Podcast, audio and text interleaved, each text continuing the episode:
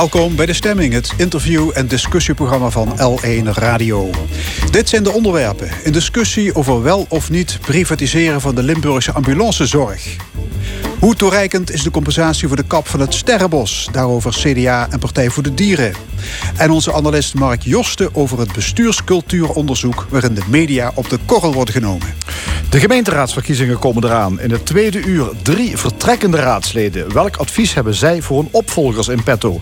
Een column van Rezi Kouwmans en het panel discussieert over de versoepelingen van de coronamaatregelen en andere actuele zaken. Tot één uur is dit De Stemming. Een ambulance moet snel ter plekke zijn. Dat is van levensbelang. Om de kwaliteit van de ambulancezorg te garanderen... wil de dienst van Zuid-Limburg fuseren met de geprivatiseerde dienst van Noord-Limburg. Maar dat stuit op verzet. Want de gemeenten zouden de controle kwijtraken. Morgen valt de beslissing over wel of geen fusie. We gaan erover discussiëren met Peter van Zutphen, SP-wethouder in Heerlen en met Frank Klaassen, directeur van de GGD Zuid-Limburg. Goedemorgen allebei. Goedemorgen. Hoi. Ja, meneer Klaassen, de ambulancedienst in Zuid-Limburg... die valt nu onder de GGD, zeg maar onder de gemeente. En die, eh, morgen dan moeten die Zuid-Limburgse gemeenten... ja of nee zeggen tegen een fusie met Noord-Limburg. Waarom kan Zuid niet zelfstandig blijven? Ik zal een aantal argumenten noemen. Uh, het punt is dat, en laat ik vooropstellen, deze fusie komt niet uit de lucht vallen. Hè. We zijn hier al een paar jaar mee bezig. Een paar elementen. Uh, ambulances zijn mini-rijdende ziekenhuizen. Heel veel techniek, heel complex. Dus daar heb je ondersteuning nodig op ICT-gebied, wagenparkbeheer. En we hebben daar gewoon te weinig mensen voor. Je kunt je niet permitteren. Hè. Morgen is eh, de wagenparkbeheerder op vakantie of de ICT-medewerker ziek. Achter de schermen moet je dat slim samen organiseren. Het tweede is, er zijn steeds meer kwaliteitsrichtlijnen voor de ambulancezorg. Dan moet je verantwoording afleggen. Dat is goed. Maar dan krijg je een euro erbij van de zorgverzekeraar. Betekent dat je of dat geld moet halen uit de primaire uitdruk, dat willen we niet. Of slim achter de schermen organiseren. En een derde element is, dat geldt voor iedere zorginstelling. We hebben steeds meer moeite om personeel te vinden. En in zo'n grotere instelling kun je makkelijker mensen laten instromen maar ook mensen aan het einde van hun carrière makkelijker nog een andere functie geven. Dus dat zijn een aantal voordelen of noodzakelijke ontwikkelingen die de fusie belangrijk maken. Ja, dat, dat is een duidelijk verhaal, uh, Peter van Zutphen. Ja, logisch dat er een oplossing gezocht wordt. En dat wordt in dit geval gezocht naar een fusie met de dienst in Noord- en Midden-Limburg. Dan ben je groter, dan heb je meer armslag. Klinkt logisch. Nou ja, om uh, goed samen te werken hoef je uh, niet per se te fuseren. Je kunt ook gezamenlijke inkoop doen. Je kunt uitwisseling van uh, personeel doen. Dat zijn allemaal opties. Maar veel belangrijker dan wel of niet fuseren met Noord... is het feit dat dat gepaard gaat met privatisering. En dat betekent dat een van de laatste, laatste restjes publiek bezit... die we in de zorg hebben ook nog verder geprivatiseerd wordt. En dat gemeenten geen zeggenschap meer hebben over de essentiële beslissingen die er rond de ambulancediensten genomen moeten worden. Ja, moeten we even uitleggen. Zuid-Limburg is dus een dienst die valt onder de GGD, onder de gemeente. Noord- en Midden-Limburg is al langer geprivatiseerd. Dus ja. bij een fusie wordt het een private organisatie. Ja, ja, ja, en dan zijn het feiten de ziektekostenverzekeraars... die in alle opzichten aan de touwtjes uh, trekken. En dan uh, staan gemeenten machteloos aan de kant... als er dingen aan de hand zijn waarvan gemeenten eigenlijk zeggen... hier willen we ingrijpen. Ja, zijn er, spelen er in Noord- en Midden-Limburg... dan rondom die ambulance dienst problemen waarvan u zegt... die importeren we dan ook in het zuiden? Dan krijgen we daar ook mee te maken? Ja, een heel uh, duidelijke voorbeeld is dat er nu al sinds 2020 grote problemen zijn rond de van de ambulance in bijvoorbeeld Arsen. Deel van de gemeente Venlo, daar is in het hele jaar 2020 maar een 57% van de, van de spoedritten uh, hebben ze in de tijdsnorm gereden. Dus 43% te laat. En de gemeente Venlo moet zeggen... we hebben hier geen enkele zeggenschap over en er is niks verbeterd. En in Zuid-Limburg uh, heeft hetzelfde gespeeld uh, in het Heuvelland en in de delen van Parkstad. En toen hebben we met z'n allen gezegd... nou, dan moeten er extra uitdrukposten komen... in Gulpen en in Abdissenbos. En die zijn er ook gekomen. Dus nu voldoen we hier in alle opzichten... in iedere deelgemeente ook aan de aanrijdtijden. En dat, is, dus dat kan omdat gemeenten dat kunnen ingrijpen. Meneer Klaassen, dus de overheid, de gemeente, dus de burger raakt de zeggenschap over de ambulancedienst kwijt als het geprivatiseerd wordt. En de gevolgen zijn in het noorden zichtbaar, dus dat moet je in het zuiden niet willen. De heer Verzutphen die noemde een aantal zaken die hij al vaker genoemd heeft. Ik zal een aantal antwoorden geven op verschillende onderdelen. Beginnend met het samenwerken. Natuurlijk uh, is een fusie niet een doel op zich, maar wij werken al jaren samen. Maar we hebben met elkaar onderzocht dat het beter is om daar een fusie aan toe te passen. Dat is één. Twee, de zeggenschap van gemeenten, wat u noemt. Gemeenten hebben geen zeggenschap. Ik heb dat al vaker ook in andere plekken opgemerkt en ik kan het ook staven. Er is een landelijk stelsel ambulancezorg, landelijk budget, dat wordt verdeeld over de regio's. Dat gaat via een landelijk kader, spreiding en beschikbaarheid. Spreiding wil zeggen waar liggen de posten. Beschikbaarheid wil zeggen wat voor personeel krijg je. Dat is landelijk gestandardiseerd. Daar hebben gemeenten geen invloed op, maar een raad van toezicht van een stichting heeft daar ook geen invloed op. Dat staat er volstrekt los van. Hoe kan ik dan horen dat ik hoor dat Gulpen en uh, Landgraaf dat daar een ambulancepost is gekomen door door druk van gemeenten? Nou ja, dat, is de, de, de opvatting die de heer Verzutphen naar voren brengt. En heeft, iedereen recht op zijn eigen mening.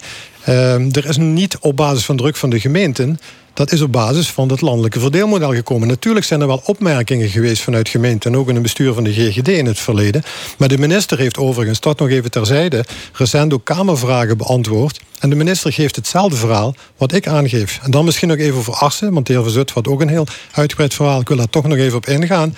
Diezelfde minister geeft het antwoord op de Kamervragen aan dat de ambulance dienst in Limburg-Noord boven het gemiddelde presteert. En dat iedere regio, ook de onze, in kleinere kernen, gewoon dit soort aanrijproblemen heeft. Dus dat wordt uit zijn verband gerukt. Ja, meneer Van Zutphen, u overschat de invloed van de gemeente op de ambulance dienst blijkbaar. Dus. Natuurlijk zijn er landelijke regels, maar de GGD zelf of de ambulance dienst zelf bepaalt of je die regels goed toepast of extra goed of minimaal toepast. En in Noord-Limburg worden ze minimaal toegepast en in Zuid-Limburg hebben we ze extra goed toegepast. Dus we, hebben, we weten wat de landelijke regels zijn en toen hebben de gemeente, heeft de GGD, en dat zijn de gemeenten, eh, gezegd, dit kunnen we niet zo laten dat in het Heuvelland de aanrijdtijden stelselmatig eh, te lang eh, zijn. Dus hebben we gezegd dat die extra ambulanceposten moest, moest komen. Nou, en er moet ook een extra ambulancepost komen in de omgeving artsen. Maar die komt er gewoon niet. En gemeenten hebben daar gewoon helemaal niks meer over te zeggen. Ja, uh, meneer Klaas, u vreest uh, financiële problemen bij de Zuid-Limburgse ambulance dienst. Stel, die fusie zou niet doorgaan. Wat zou dat voor gevolgen kunnen hebben? Laat ik vooropstellen dat de hoofddoel van de fusie een inhoudelijke is. Ambulancezorg bereikbaar houden voor de burger. Maar even naar die financiële gevolgen. Uh, er zijn er twee. Ik noemde net al het feit, we krijgen geen euro erbij voor die verantwoording, al die dingen achter de schermen. Nou, die willen we wel voor de zorg op straat blijven besteden. Dat is één. Blijven we apart, zullen we toch moeten gaan korten of kijken waar het geld vandaan halen op straat. Dat willen we niet. En twee, dat heeft te maken met een, ja, ik zal heel kort een technisch verhaal. Gemeenten zijn eigenaar van de ambulancedienst. Dat is de heer Van Zutphen heeft dat aangegeven. De zorgverzekeraars betalen de ambulancedienst. Maar op het moment dat er problemen zouden zijn die de zorgverzekeraars niet betalen, dan dragen de gemeenten het risico. En ik zal een heel concreet voorbeeld noemen wat een aantal jaren geleden gespeeld heeft, wat nu is opgelost. Ambulancemedewerkers konden vroeger op 55-jarige leeftijd met pensioen. Nou, dat is inmiddels nu verlaten. Dat heet de functioneel leeftijdsontslag. Alleen voor de collega's die in dienst zijn, die hebben een overgangsregeling. Daar moet geld voor komen. Dat moet u zich voorstellen. Ik zal niet alle details noemen. Dat waren miljoenen aan geld wat daarvoor stond. In eerste termijn werd gezegd, ja, dat kan wel zo zijn. Betalen de zorgverzekeraars niet, dan moeten de gemeenten maar betalen. Uiteindelijk hebben we als publieke diensten landelijk een proces aangespannen, hebben we het geld gekregen. Dus er zijn wel degelijk financiële risico's. Alleen de hoofddoel van de fusie is echt een inhoudelijk doel. Ja. Ik wil uh, Peter van Zutphen. echt hier tegen verzetten. Ik ben uh, al twaalf jaar lang, jaar lang voorzitter van de financiële commissie van de GGD. Ik ben de eerste verantwoordelijke binnen de GGD voor de financiën. En er is geen enkele sprake van een financieel probleem wat opgelost moet worden en dat we dan maar moeten fuseren omdat anders de zorg op straat in het gevaar komt. Sterker nog, er is de afgelopen jaren een reserve gevormd van ruim 2 miljoen die op de plank ligt, reserve aanvaardbare kosten, om in te zetten op het moment dat er toch tekorten zouden uh, dreigen.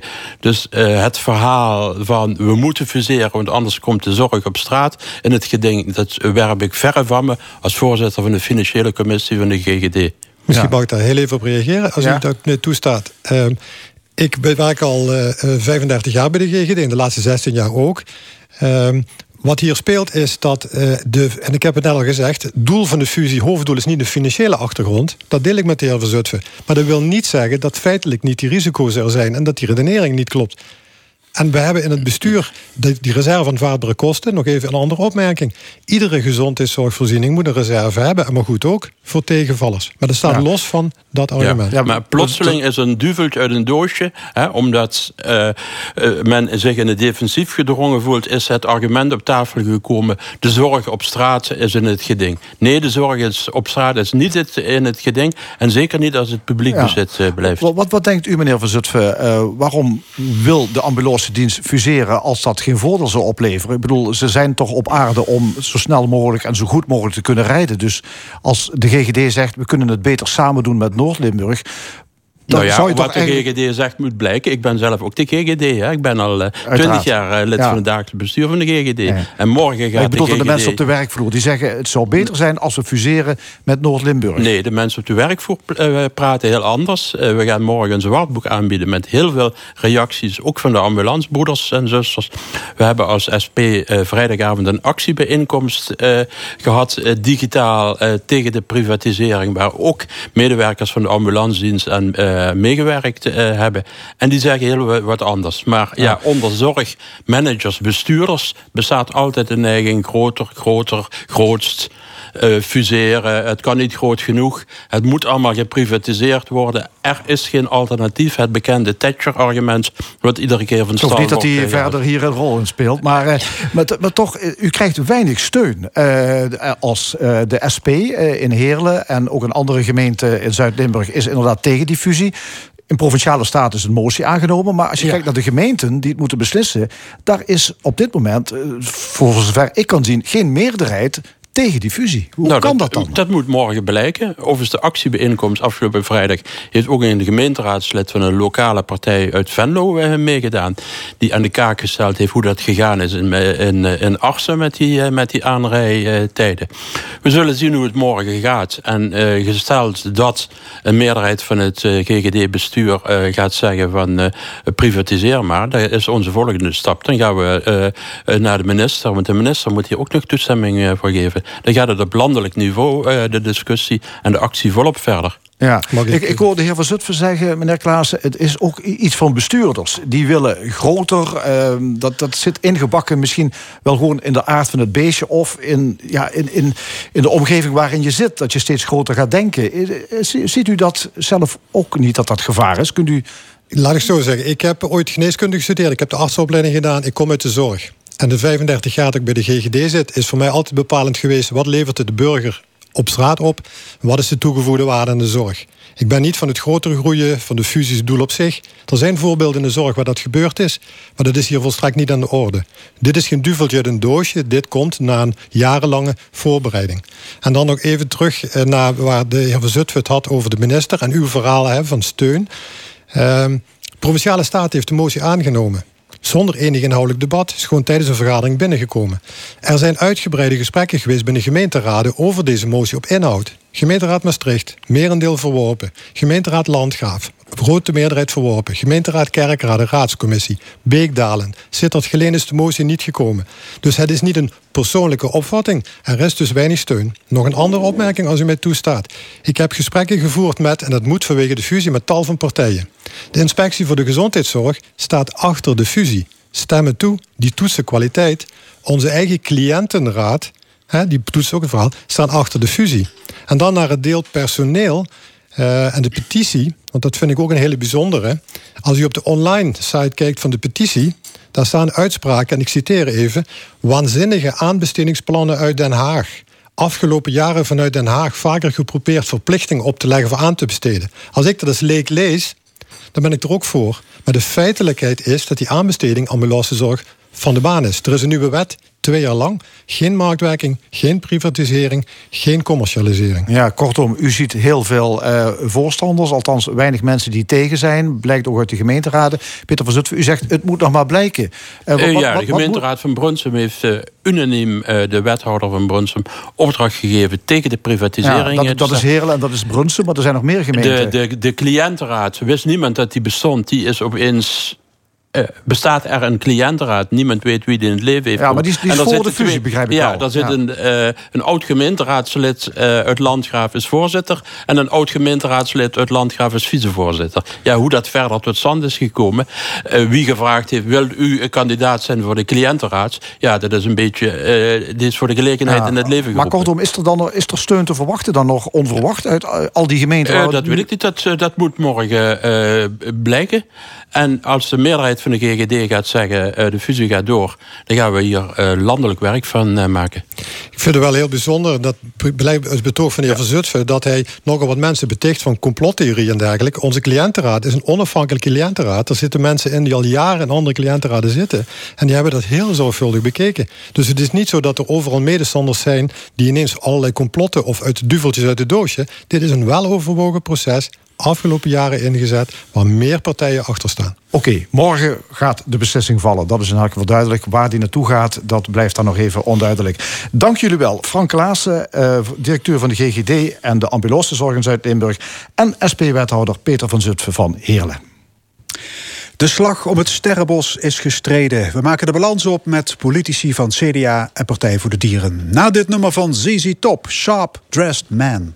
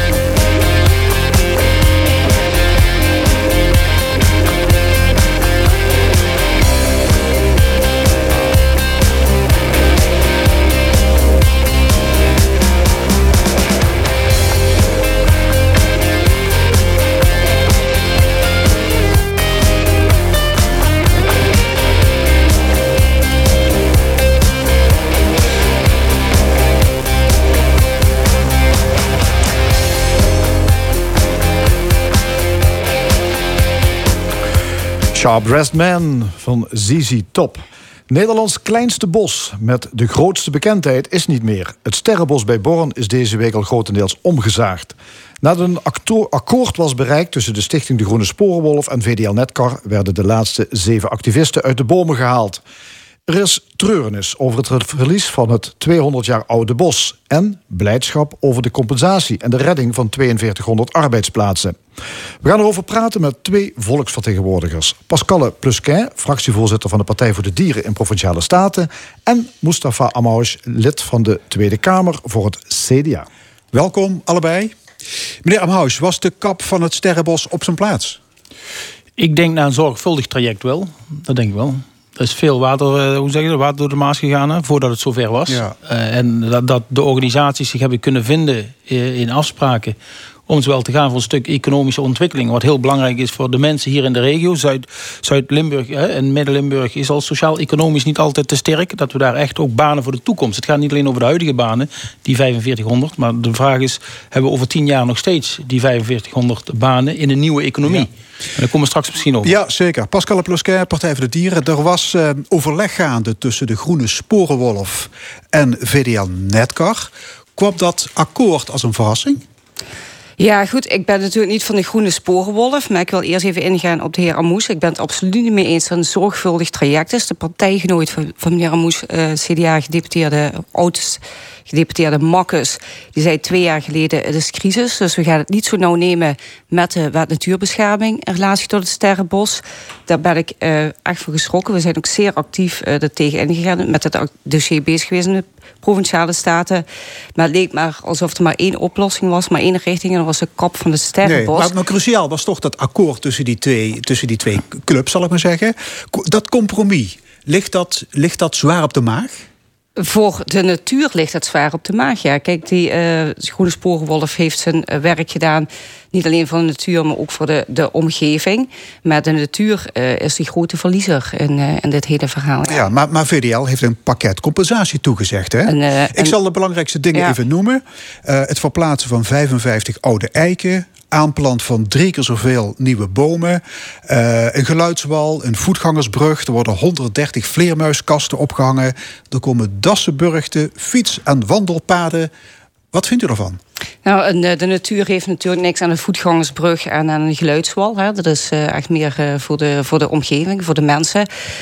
Dus een, een 200 jaar oud bos kun je niet compenseren. Hè? Dus je hebt dan een wettelijke compensatie die anderhalf of twee of drie keer zoveel moet zijn.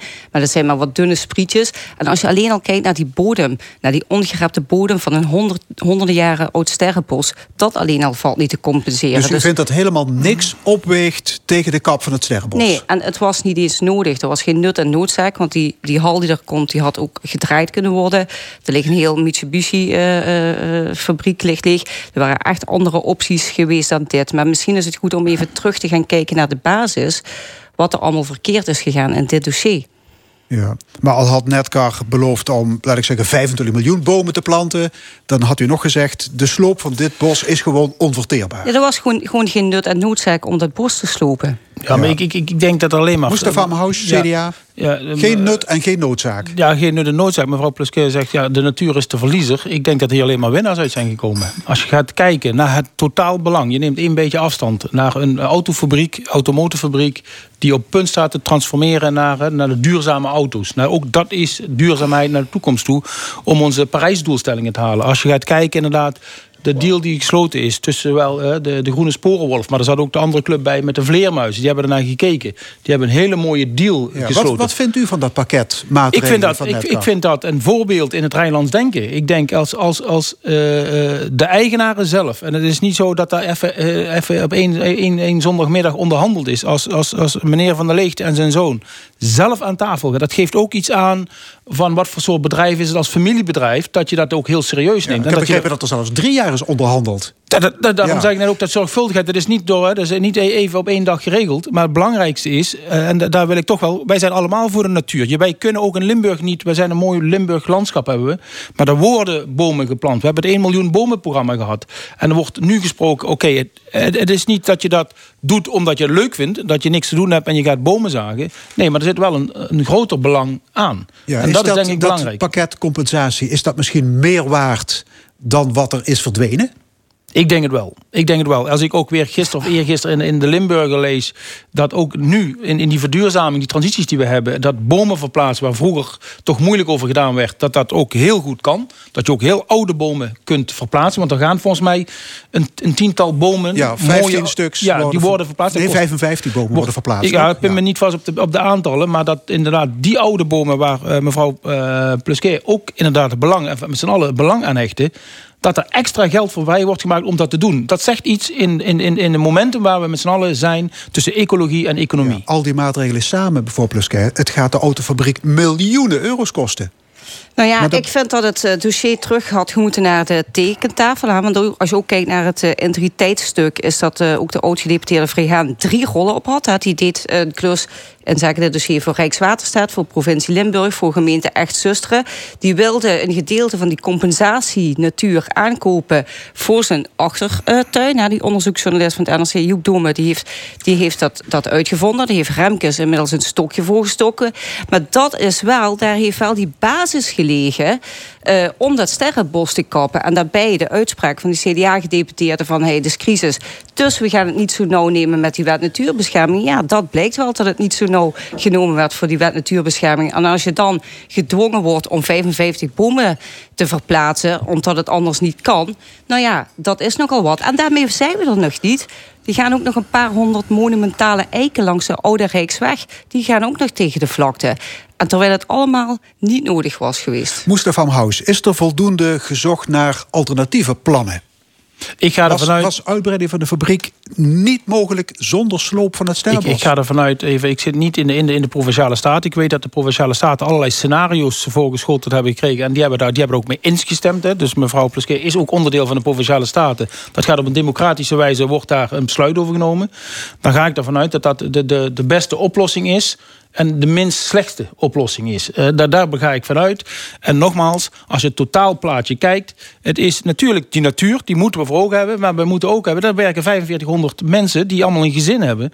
En het is juist nu de mooie kans, met zo'n Rivian... dat wij duurzame auto's kunnen gaan produceren. En dat is volgens mij iets wat we met z'n allen willen. We willen die, die, klimaatdoelstellingen halen.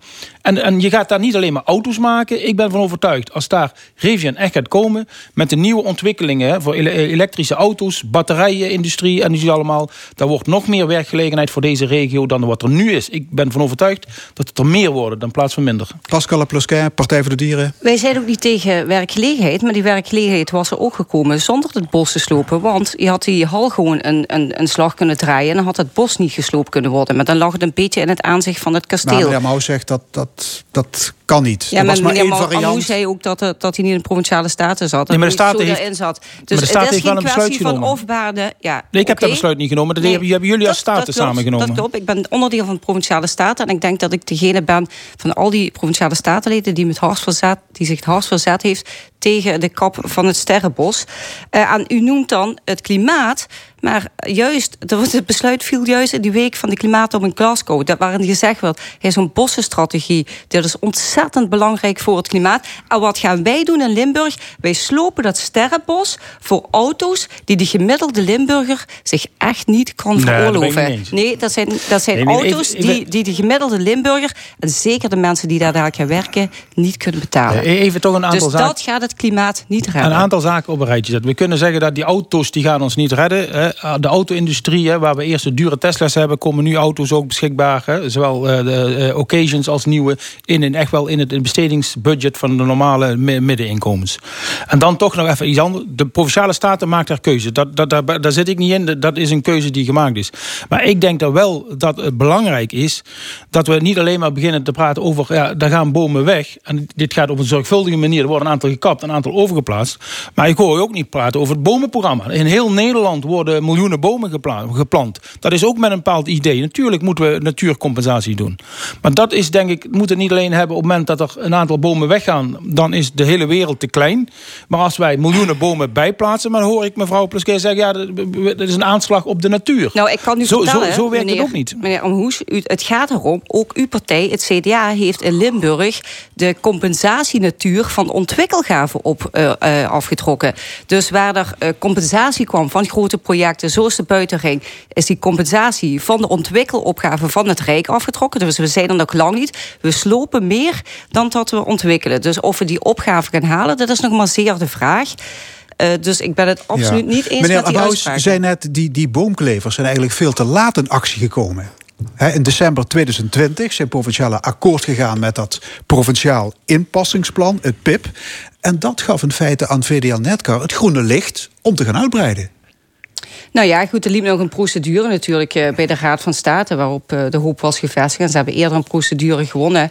Ja, ik, ik kan alleen maar zeggen... ik heb onwijs veel respect voor die vleermuizen die het bos zijn Nee, maar ingegaan. had je niet veel eerder voor december 2020 tamtam moeten maken? Ja, ik heb Dat- die tamtam gemaakt. Ja. Ik, ben al de, ik ben al jaren tamtam aan het maken. Ik heb ook een interview gedaan met Elsevier... waarin ik de heer Marcus gequote heb van... is crisis, we gaan het niet nou nemen met de wet natuurbescherming. En dat bos moest en zou tegen Ja. de vlakte gaan. Nou ja, dan kun je ook nog eens kijken naar het integriteitsverhaal. Eh, Daarin heb ik ook met Johan Remkes besproken in een debat. Zegt hij, maak maar een melding. Ja, uiteindelijk wordt hij niet opgepakt... omdat er honderden meldingen zijn gekomen. Dus het is heel complex. Ik Goed. vecht hier al jaren Ja, voor. Ik heb me wel, ik heb me wel een beetje gestoord. hè. Kijk, wij hebben Limburg, als er zo de Groene Sporenwolf en die club met die, met die vleermuizen, als die goed onderhandelen eh, en, en, en op gesprek zijn met, met VDL, dan hebben we echt geen eh boomklevers, zoals u ze noemt, uit de Randstad om hier de, elke keer de voorpagina's. En ik vind ook dat ze echt heel veel aandacht hebben gekregen op de voorpagina's. Terwijl het echte gesprek wat op de achtergrond plaatsvond, de Groene Sporenwolf met VDL, naar de achtergrond werd geschoven. Zelfs het NOS-journaal elke dag over vijf eh Ja, maar die boomklevers die voelen zich nu toch bedonderd door de groene Ja. sporenwolf, of niet? Ja, goed. Dat, ja, Dus zij op voor de natuur. Kijk, die goede sporenwolf die komen op voor de hele omgeving. Hè? Dus voor de mensen en ook wat voor de Ja, ja. natuur. Maar, maar deze mensen die komen echt op voor de natuur en voor het klimaat. Hè, dat, dat is niet een greenwashing zoals ze zeggen... we gaan in een veel te uur- dure elektrische auto rijden. Nee, dit zijn de mensen die echt voor het klimaat gaan. Goed, volgend jaar eh, stopt de productie voor BMW. Ehm, stel dat het VDL Netcar niet lukt om een nieuwe opdrachtgever te vinden. Dan komt er dus geen nieuwe productiehal. Dan is het sterrenbos voor niks gekapt.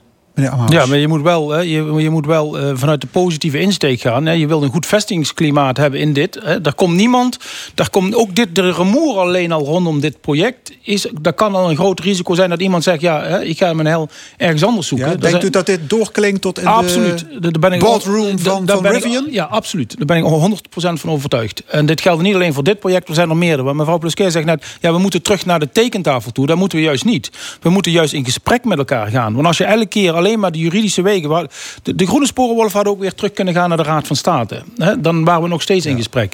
Maar als je en de werkgelegenheid, de economische ontwikkelingen... die voor Nederland in het postzegelland, zei ik even, heel belangrijk zijn... en de natuur bij elkaar willen brengen... dan zul je vaker met elkaar het gesprek in moeten gaan... en niet alleen maar proberen uit te stellen via juridische procedures. Het buitenland kijkt mee, investeerders kijken mee... en dan hebben de mensen die bij VDL en in omstreken... die hebben daar niks aan. Ja, ik die heb willen brood op de plank. Die de- willen alleen maar brood op de de, plank. de, de rijke Amerikaanse zakenman George Soros... die heeft voor 2 miljard dollar aandelen gekocht van Rivian. Hoe, hoe beoordeelt u dat? Ik denk als iemand geld stopt in zo'n bedrijf, eh, dat dat eh, toekomstperspectief heeft. Dat is een bedrijf dat zich echt wil op de verduurzaming van de automobielindustrie. De, de, eh, Nederland is sterk in de automotive-industrie. Niet alleen in Limburg, maar ook bijvoorbeeld in het, in het Brabantse. Dat is veelbelovend. Dit is een opsteker voor VDL. Ja, u? absoluut. Maar als je ook kijkt, als je ook kijkt naar de achtergrond, Rivian, Ford bijvoorbeeld, een bedrijf wat vanaf 1900 al bestaat, die zijn ook redelijk groot aandeelhouder in Rivian. Dat is een bedrijf die, die koppelt zich niet zomaar aan een autobedrijf. Dus dat, er zit ook wel, die hebben ook wel een, een, een imago hoog te houden. En dat is veelbelovend.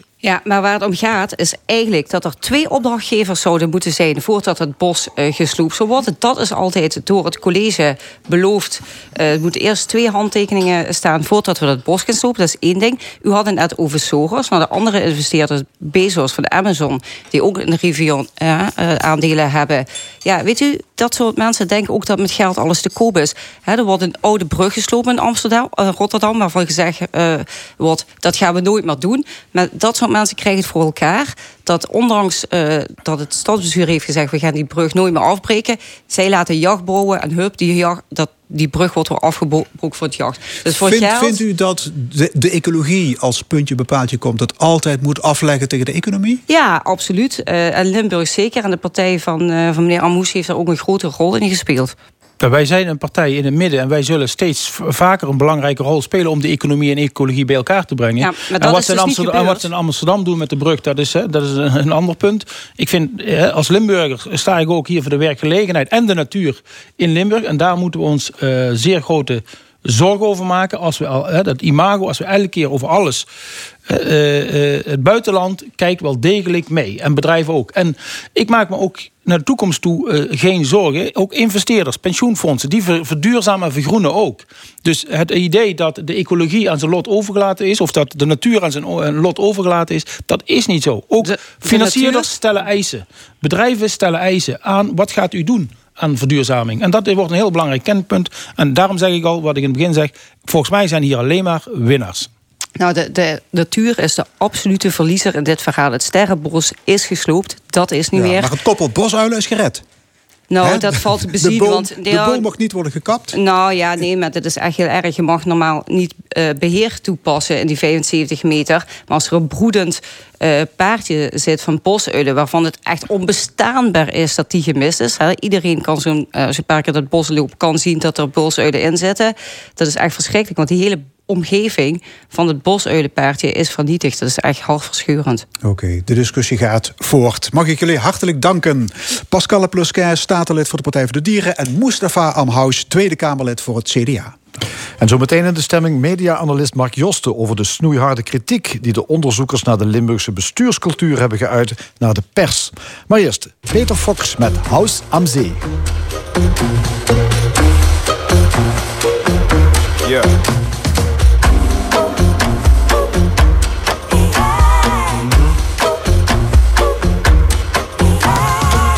Bin ich geboren und laufe durch die Straßen. Kenn die Gesichter, jedes Haus und jeden Laden. Ich muss mal weg, kenn jede Taube hier bei Namen. Daumen raus, ich warte auf ne schicke Frau mit schnellem Wagen. Die Sonne blendet, alles fliegt vorbei. Und die Welt hinter mir wird langsam klein. Doch die Welt vor mir ist für mich gemacht. Mm, ich weiß, sie wartet und ich hol sie ab. Ich hab den Tag auf meiner Seite, ich hab Rückenwind. Ein Frauenchor am Straßenrand, der für mich singt. Ich lehne mich zurück und guck ins tiefe Blau. Schließ die Augen und lauf einfach geradeaus. Und am Ende der Straße steht ein Haus am See. Orangenbaumblätter liegen auf dem Weg. Ich hab 20 Kinder, meine Frau ist schön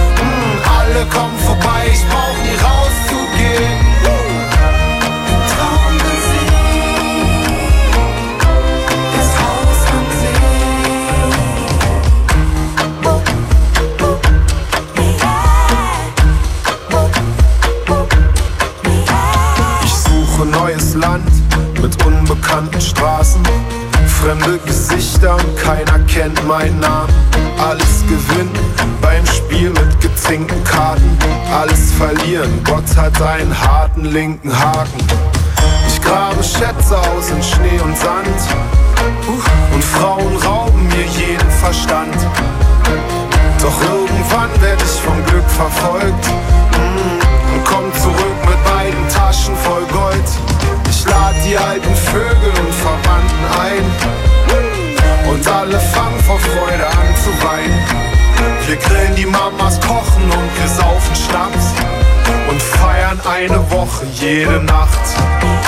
Und der Mond scheint hell auf mein Haus am See. Orangenbaumblätter liegen auf dem Weg. Ich hab 20 Kinder, meine Frau ist schön. Mm, alle kommen vorbei, ich brauch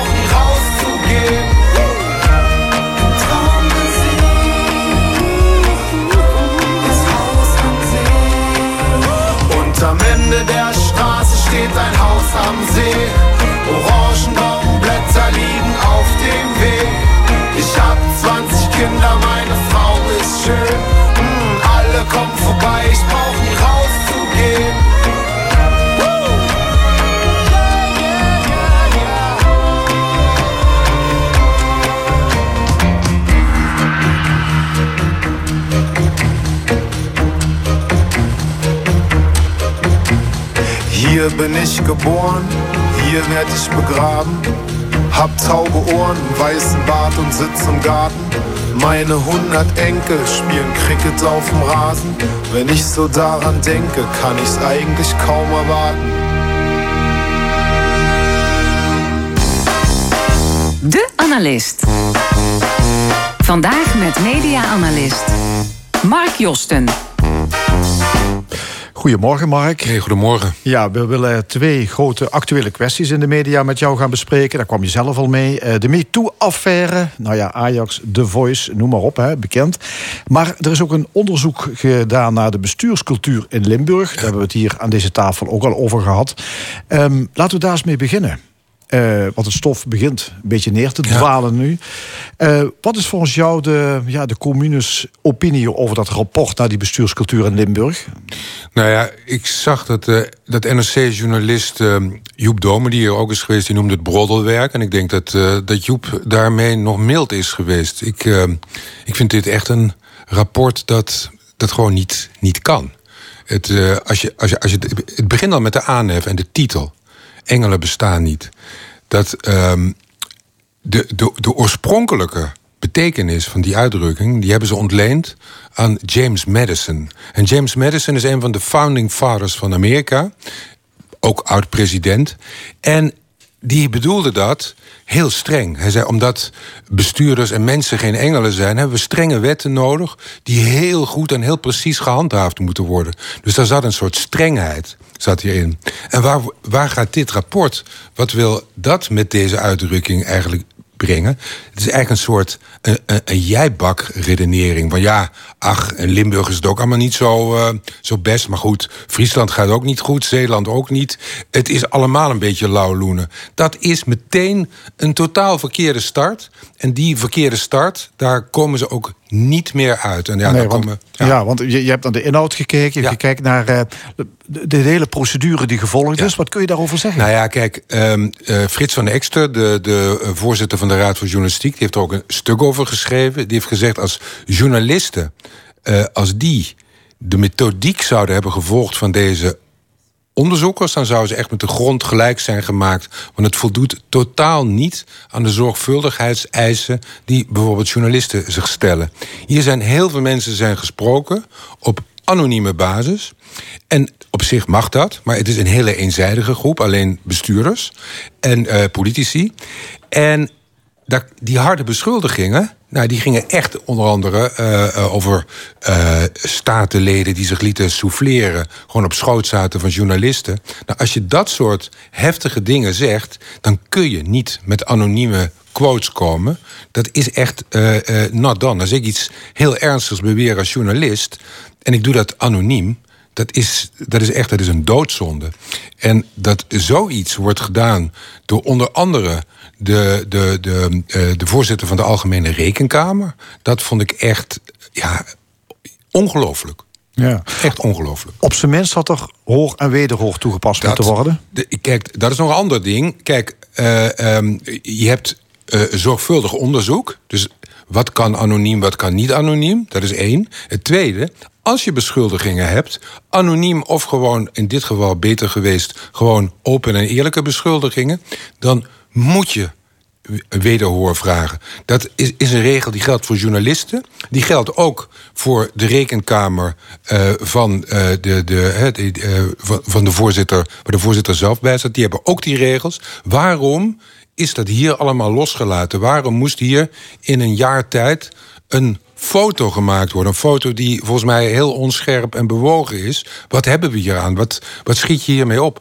Ja dit leidt er wel toe dat het eigenlijk ook wel redelijk stil blijft de afgelopen tijd. Want um, er is niet enorm veel kritiek gekomen op dat rapport. Hoe, hoe, hoe zie jij dat? Mm, nou, ik, ik vind, het, in, in, de journalistiek is het niet stil geweest. Uh, ik vind dat de, de Limburger heeft lauwtjes gereageerd hier. NRC was fel.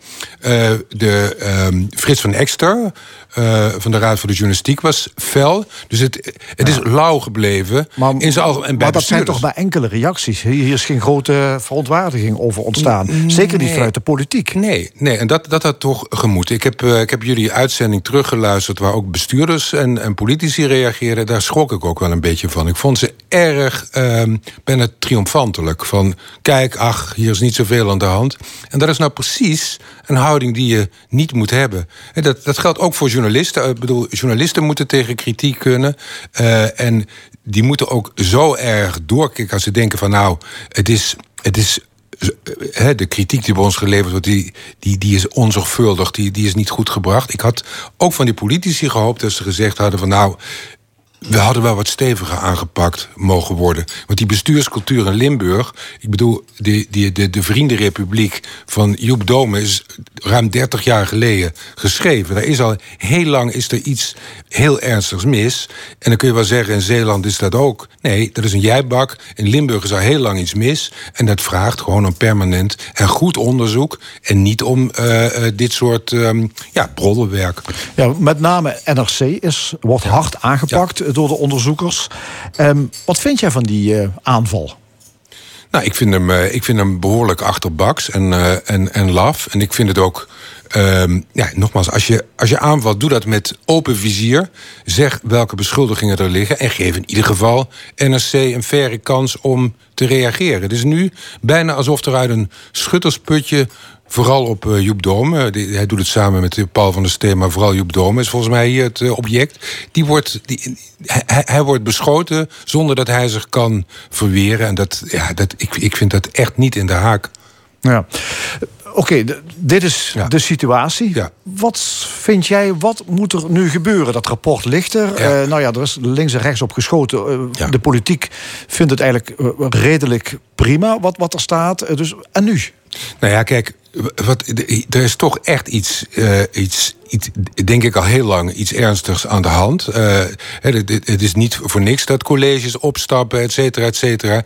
Ik denk dat je een onderzoek nu nodig hebt dat ook niet in een jaar wordt gedaan. Daar moet je echt de tijd voor nemen. En het moet niet een foto worden. Je moet echt een, ja. een, een 3, 4D ja, foto, scan willen een maken. foto, dat, dat werd hier van dit onderzoek gezegd. Ja. Hè? Dit is een foto. Ja, maar wat heb je nou aan een foto? Als je echt wil onderzoeken...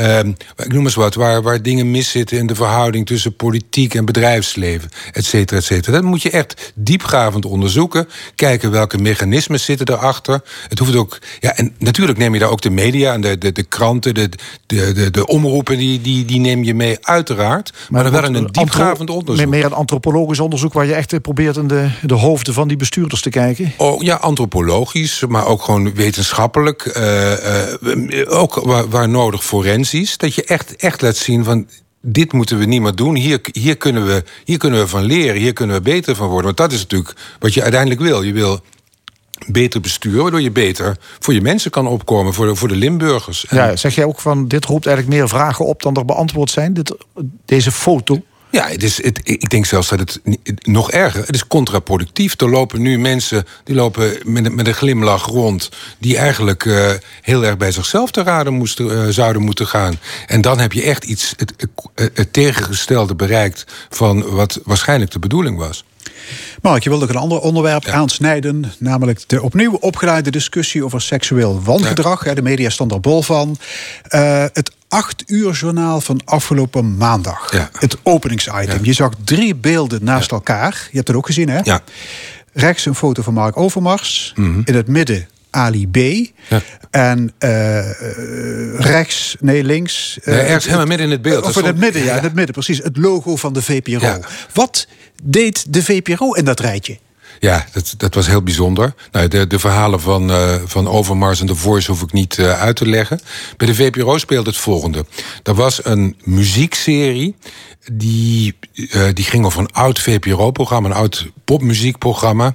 En daar werd een oude eindredacteur die dat allemaal had, had nou ja, die muziek um, in, eigenlijk destijds heel erg naar voren had gebracht. Die, die eindredacteur, de, daar, daar kwam van naar voren dat die onheus was omgegaan met een 18-jarige stagiaire. 36 jaar geleden.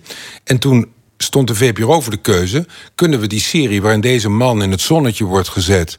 kunnen we die nog wel uitzenden of niet? Toen is de VPRO besloten dat toch niet te doen. Ook al was het 36 jaar uh, geleden.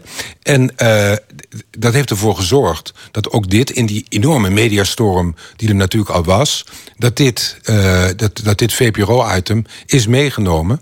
Ja, maar die drie beelden naast elkaar in het journaal. Wat zegt dat over deze tijd? Nou, dat zegt ontzettend veel. Want even uh, los van alles. Natuurlijk is het heel erg goed dat, uh, dat er heel erg goed vanaf nu. Uh, en veel beter dan, dan ooit op de omgang met, met vrouwen wordt gekeken. Er zijn echt dingen gebeurd die echt niet kunnen. Maar je moet in zo'n mediastorm wel de dingen onderscheiden. Eén, alle mensen waar het ook hierover gaat, daar moet het onderzoek nog van worden afgerond. Maar het allerbelangrijkste uh, is... Kijk, Ali B, die wordt van verkrachting uh, wordt hij beschuldigd. Uh, iemand die 36 jaar geleden... Um, onheus, en dat was geen verkrachting, dat, dat, dat, dat, is, dat is zeker. Uh, die, die onheus omging met een stagiair, dat vind ik twee zo verschillende zaken. En als dat allemaal in één beeld wordt samengepropt in het journaal, dan vind ik dat heel veel zeggen. Dus er wordt te veel op één hoop gegooid. Ja, Al die... je moet juist bij hele ernstige beschuldigingen moet je heel precies zijn. En moet je ook zeggen van dit is wat anders dan dat. Een mishandeling is wat anders dan een moord. Dat kunnen we niet gewoon op, uh, op, op één lijn zetten. Ja, maar televisie leent zich over het algemeen niet goed voor subtiliteiten en verfijningen, heb ik het idee. Nee, maar toch, toch juist in dit soort dingen uh, uh, moet je er wel op letten. En als dat niet gebeurt, verdient ook zoiets echt onderzoek. Ik hoop ook dat, dat al die aanklachten dat die ontzettend goed onderzocht worden. Ja, ja dus de VPRO was not amused over uh, Nee, de VPRO, de VPRO, de VPRO, daar waren ze echt uh, heel verdrietig. Want ja. Human, waar jij hoofdredacteur van bent, werkt nou samen met de VPRO. Dus je bent op de hoogte van nee, ik ben het gevoel op, op de werkvloer. Nou, natuurlijk. Die, die, daar, daar, daar was men erg ongelukkig over dat, uh, over dat beeld. Ja. Dus moraal van het verhaal, de beeldvorming is een goed middel om, om misstanden aan te pakken.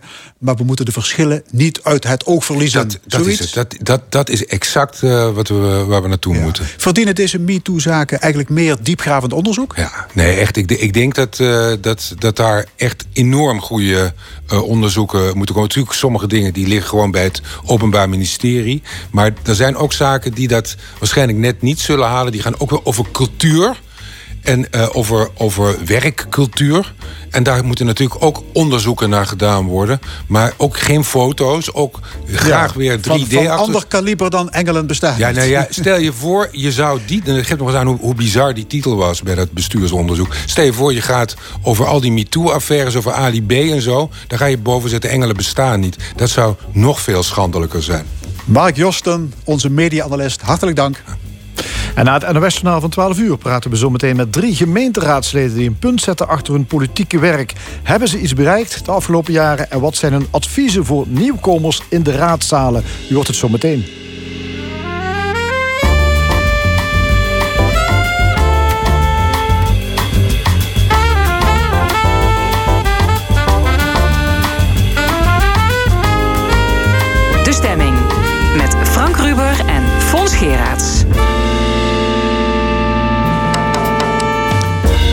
Opnieuw welkom bij De Stemming, het interview- en discussieprogramma van L1 Radio. Wat allemaal in dit tweede en laatste uur.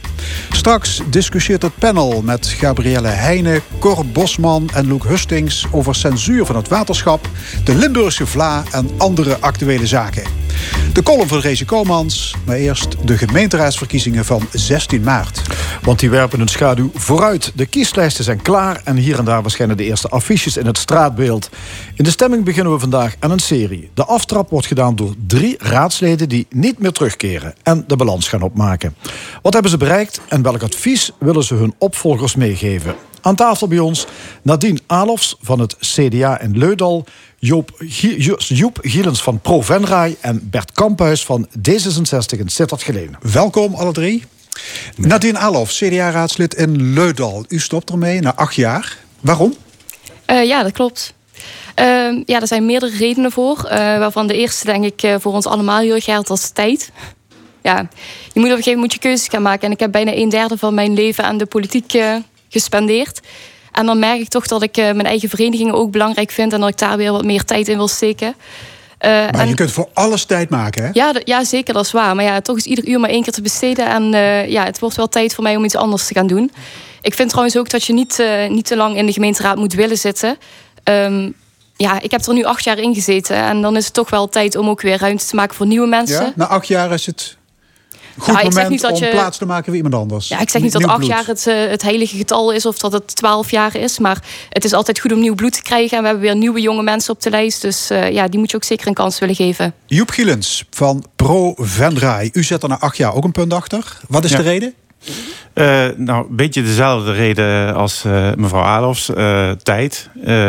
ik denk dat ik ruim een jaar geleden de keuze heb gemaakt om te gaan stoppen. Dan zie je dat je kinderen ouder worden. Die gaan allemaal sporten, hebben verenigingen. Daar wil je tijd aan, aan, aan spenderen. Je wil zelf ook weer structureel sporten. Want ja, toen ik mij negen jaar geleden kandidaat stelde... dan maak je heel, heel bewuste keuze. Ik word raadslid. En ja, dan weet je gewoon dat de avonden snel gevuld zijn. Uh, een andere reden was op dat moment... Uh, ik ben nogal een kritisch raadslid, stel wel eens wat vragen... En soms was het wel eens vechten tegen de bierkaai. Dat je geen antwoorden kreeg op vragen.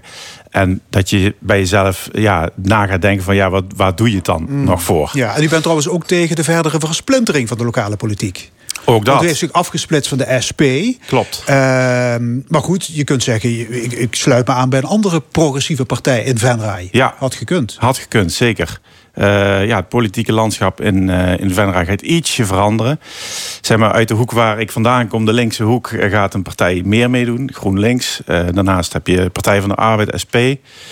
ja, dan is er voor een zeg maar, linkse lokale club ook niet echt meer plaats. En hmm. het is ons ook niet gelukt overigens om, om ja, daar meer body aan te geven. Dat je meer mensen betrokken krijgt. Zo eerlijk moet ik ook zijn. Er is wel heel uh, veel gebeurd in Venray, hè? Absoluut. De burgemeester is weggestuurd. Ja. Uh, een CDA-wethouder is opgestapt. De blunder van het kabinet om Venray te verplichten... om een asielopvangcentrum in te richten. Kortom, never a dull moment. Roerige tijden. Ja, oké. Okay. Ja. Goed, derde aan tafel. Bert Kamphuis, fractievoorzitter van D66 in Sittard Geleen. U heeft de meeste dienstjaren op de teller. Twaalf jaar raad en vier jaar wethouder. Vindt u het ook mooi geweest? Ik vind dat uh, mooi om daarmee af te sluiten. ik moet wel zeggen, die twaalf jaar waren niet twaalf jaar achter elkaar. Ik ben in uh, 1994 voor het eerst in de raad van Sittard gekomen, nog voor de herindeling. En toen uh, is D66, mijn partij, tien jaar lang niet vertegenwoordigd geweest. En daarna weer vier jaar als raadslid, daarna vier jaar wethouder en nu weer vier jaar raadslid erop uh. En wat Nadine ook zegt, uh, er zijn nieuwe jonge mensen, jonge talenten. En ik vind dus ook dat je die talenten de ruimte moet ja. geven. De scheuring binnen de fractie, speelt dat ook nog mee? Dat is wel, Jocelyn Engelhard die is opgestapt en die gaat verder onder de naam Puur. Zij vindt trouwens dat uw partij meerdere mensen moet luisteren. Weg van het bureau, de buurt in. Ja, dan uh, disqualificeert ze zichzelf ook. Want uh, ze heeft de afgelopen vier jaar samen met ons niks anders gedaan dan met mensen gesproken en uh, met mensen, naar mensen geluisterd. Dus ik ben, vind dat een beetje een zwak argument. Maar de afsplitsing heeft er geen, is geen reden geweest voor het stoppen. Want ik heb ruim voor die tijd aangekondigd dat ik ook niet voor het lijsttrekkerschap opteerde. En dat ik echt vond dat de jongeren nu maar eens het stokje moesten overnemen. Ja, over jongeren gesproken. Nadine Alofs, u bent 29. er stoppen nog twee twintigers in de raad van, uh, van Leudal. Ja, klopt. Is het niet spijtig dat zoveel jonkies ermee kappen? Uh, ja, dat is zeker waar. Ja. Um, de, de, andere twee mensen waar u het over heeft, uh, die zijn na vier jaar gestopt. Dat is zeker jammer, want ik heb zelf ook wel gemerkt... je hebt gewoon een aantal vliegjaren nodig voor je, dat je er echt in zit. Uh, maar ik snap de overwegingen van die mensen ook. Um, want ja, ook die mensen, die ging het eigenlijk om tijd... en die gingen een andere opleiding doen, een andere baan. Ja, dan het is gewoon niet te combineren. Mensen denken vaak, en dan merk ik ook in mijn omgeving, dat ik de hele dag eh, bij de gemeente Leudal zit als raadslid. En dat dat gewoon een soort van dagtaak is die je fulltime kunt vervullen. Maar dat is het natuurlijk niet. Dus er zijn altijd redenen waarom mensen stoppen. En ik zie wel heel veel ja, aanwas van uh, jonge mensen op de lijsten in Leudal. Dus ja, dat stemt mij wel weer positief. Ja, als u terugkijkt, acht jaar gemeenteraadslid voor het CDA in dit geval in Leudal. Waar bent u persoonlijk trots op? Is er iets waarvan u zegt van nou, daar heb ik het wel voor gedaan. Dat, dat, dat kan ik wel uh, op mijn konto schrijven. Nou, ik denk dat er een. Ja, het zijn, in Leudel uh, ging het uh, een aantal keren mis met burgerinitiatieven die eigenlijk te lang aan het lijntje werden gehouden. Um, ja, waar eigenlijk uiteindelijk niet het resultaat werd bereikt wat mensen gehoopt hadden. En ja, waar, waar echt wel teleurstelling zat bij de mensen die het initiatief hadden genomen. En er zijn wel wat burgerinitiatieven die wel op een plek zijn gevallen. Bijvoorbeeld het Maasveld en Neer. Dat zijn dingen waar ik dan persoonlijk wel trots op ben dat die de eindstreep gehaald hebben. dat zijn nooit dingen die je alleen doet of die je met je fractie alleen doet. Dat is altijd een, ja, samenspel tussen partijen, maar toch, ja. Maar dan heb je, heeft u dan het idee dat u daar iets uh, heeft kunnen veranderen of uh, kunnen meewerken dat dat ja. dus ook gebeurd is? Ja, ik vind persoonlijk wel dat als ik kijk naar toen ik begon, acht jaar geleden, dat het politiek landschap in Leudal wel anders was dan het nu is. En je merkt nu bijvoorbeeld ook bij ons is een hot item nu de scholensluiting in de kleine kernen waar drie scholen misschien worden gesloten. Um, daar merk je dat uh, raadsleden zich onderling uh, bij elkaar rapen, ongeacht van welke partij ze zijn, om te proberen om gezamenlijk tot een resultaat te komen waar we allemaal blij van worden, namelijk dat die scholen niet gesloten worden. En ja, dat is echt heel anders dan toen ik acht jaar geleden begon, toen het nog wel echt meer uh, ieder voor zijn eigen partij was, naar mijn ja. gevoel. Ja, u bent acht jaar raadslid geweest. Uh, Bert Kamphuis, uh, acht jaar raadslid, weliswaar niet aaneengesloten, maar vier jaar ook wethouder. Is het niet zo, als je eerlijk moet zijn, dat je toch als wethouder, dan zit je aan de knoppen. Dan kun je echt iets bereiken. Is dat niet gewoon, um, de, ja, zeg maar zeggen, is, is dat, heeft dat niet gewoon de meerwaarde? Dan kun je echt iets? Ja, maar dat kun je niet zonder de gemeenteraad. Een wethouder zonder steun van de gemeenteraad, die kan het schudden. Dus uh, die komt ook nergens. Maar ik ben het wel met u eens dat uh, als wethouder... dat je wat meer aan de voorkant al betrokken bent.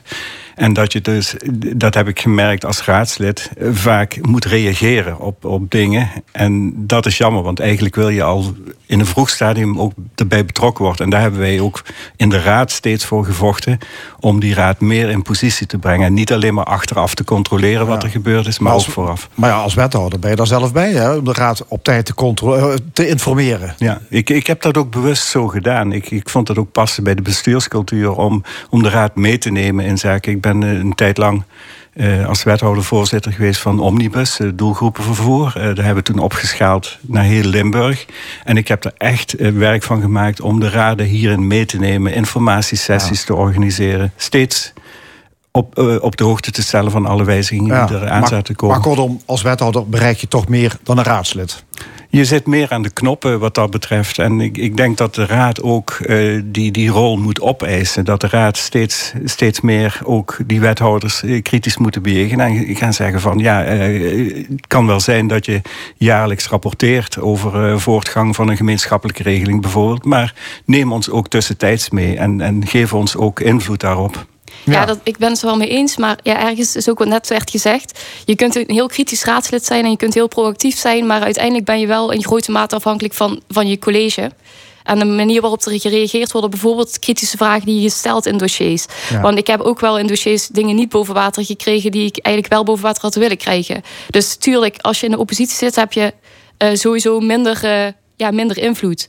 En dan ben je ook heel vaak werk aan doen voor niks. Ja. Is dat bij, raadsteden dan misschien ook niet... Um, de, is, is het niet verleidelijk om hapklare onderwerpen te nemen... behapbare onderwerpen, in plaats van ingewikkelde dossiers? Want dan weet je in elk geval, dat kan ik iets bereiken. Ja, moet ik in dat hele dossier duiken? Dat kost me heel veel tijd. En moet ik tegen die wethouder en tegen dat hele ambtelijke apparaat gaan aanboksen? Dus ja. ik, ik neem uh, gewoon de straatlantaarn, zal ik maar even gechargeerd zeggen. Ja, ik denk dat je sowieso uh, je gevechten uit moet kiezen, inderdaad. Uh, uh, je dossiers. Want ja, je krijgt als raadslid zoveel dossiers voor je kiezen. dat je niet tot in detail ieder onderwerp kunt bestuderen. Dus dat is misschien al meteen een advies ook voor nieuwe raadsleden. Um, ja, dus, dus... Maak keuzes. Maak keuzes, ja, absoluut. Ja, meneer Gillens, ja, u bent van Pro Venray. U ja. zei tegen mij, die acht jaar in de raad... dat was leuk en leerzaam. Ja. Nu associeer ik dat raadslidmaatschap niet meteen met leuk. Nee, er zitten ook hele vervelende kanten aan natuurlijk. Ja, ja, absoluut. Want je moet vooral stukken lezen en dossiers ja. doorploegen, ellenlange vergaderingen uitzitten. Absoluut. Maar goed, dat is natuurlijk wel jullie core business, toch? Ja. Als controleur van het Zeker. college. Ja. Maar het leuke is natuurlijk wel uh, het, het, in gesprek gaan met mensen die uh, betrokken zijn, die, waar het om gaat, zeg maar, een bepaald onderwerp. Uh, dat je, ja, je, je, de mensen in je gemeente mag vertegenwoordigen. Dat je goed mag nadenken, wat is nou in het algemeen belang? Uh, ja, daar ja. haal je dus de meeste voldoening uit. Absoluut. Ja. Ja. Uh, een raadslid besteedt gemiddeld 17 uur per week aan dat raadswerk. Hè. Hoe groter de gemeente, hoe meer tijd het kost. Is die werkdruk op den duur problematisch? Uh, Nadine? op zich niet. Want ja, meestal, meestal zijn het onderwerpen die je ziet aankomen. En dan kun je ze ook goed verdelen onder je fractie. En uh, je kunt als eenmansfractie zonder zeg maar achterban is het heel moeilijk. Dus je moet gewoon ja, eigenlijk je onderwerpen kiezen, zoals net ook werd gezegd. Maar ik vind dat niet het vervelende. Het, het, je verdiepen in dossiers is niet het probleem. Ja, dat vind ik niet vervelend naar raadswerk. Nou ja, ik kan me, bedoel, je huisgenoot zit lekker op de bank met een glas wijn te Netflixen. En jij zit met, je, met je neus in een bestemmingsplanwijziging. Ja, maar ja, je haalt er ook heel veel uit. En tuurlijk, ik vind bestemmingsplannen gewoon leuk. Ik werk ook met bestemmingsplannen. Dus uiteindelijk... Ja, dat is een andere je, zaak. Je gaat, dat, je gaat dat niet doen omdat je dit soort dingen vervelend vindt. Als je niet houdt van lezen, moet je vooral geen raadslid willen worden. Wat ik zelf het vervelende vind aan raadslid zijn... is dat uh, als lid zeg maar, van de volleybalclub uh, word ik niet aangesproken als lid van de volleybalclub. Maar als lid van het CDA word je wel aangesproken als lid van het CDA. En natuurlijk, je bent volksvertegenwoordiger. Maar ja, als je met, bijvoorbeeld met carnaval in de kroeg staat... Uh, en het is al redelijk laat... en mensen komen je dan aanspreken... dan heb je wel eens een moment dat je denkt... ja, dat, is, dat zijn de mindere ja, kanten. Hoe, hoe vervelend is dat? Mensen die gevraagd en ongevraagd je bellen, je mailen... misschien aan nou, de voordeur staan met allerlei sores. Ik vind het nooit erg. Uh, want uh, ja, het levert allemaal weer informatie op waarmee je. Ja, je bent ex-SP, hè? Die uh, houden van de, de, buurten. En, ja, maar ik denk dat dat voor, voor iedere partij zou moeten gelden. Hè? Niet alleen voor de SP. Dat, dat mensen betrokken zijn en, en je informatie willen aanreiken. dat is alleen maar goed. Nee, maar het kost wel energie, hè? voeling houden met, met je achterban, de buurt ja. ingaan, contacten leggen. Maar dat is, dat is het ook. Hè. Het raadslidmaatschap is gewoon een bewuste keuze. En dan weet je gewoon dat, ja, dat je ja, daar flink tijd in moet steken. En ja, ik vind ook dat je beschikbaar moet zijn voor mensen op het moment dat ze hun, hun ei kwijt willen. Ja, ja komt nog iets bij. De overheid heeft een heleboel taken over de heg van de gemeente gekieperd. Hè? De WMO, de participatiewet, de jeugdzorg. Daar komt binnenkort de omgevingswet bij. Dat is allemaal geen kattenpis. Nee, dat zijn, uh, zijn best, uh, zware dossiers. En, en ik wil nog even terugkomen wat Nadine ook net zegt. Van, uh, als je een fractie hebt, een, een, een, steunfractie en dergelijke... dan kun je ook taken verdelen. Dan kun je die dossiers, want dit zijn echt omvangrijke dossiers die je noemt... dan kun je ook daarop specialiseren en je specialist in de fractie inzetten. Maar een, een kleinere fractie... we hebben in Sittard Geleen zoveel kleine fracties...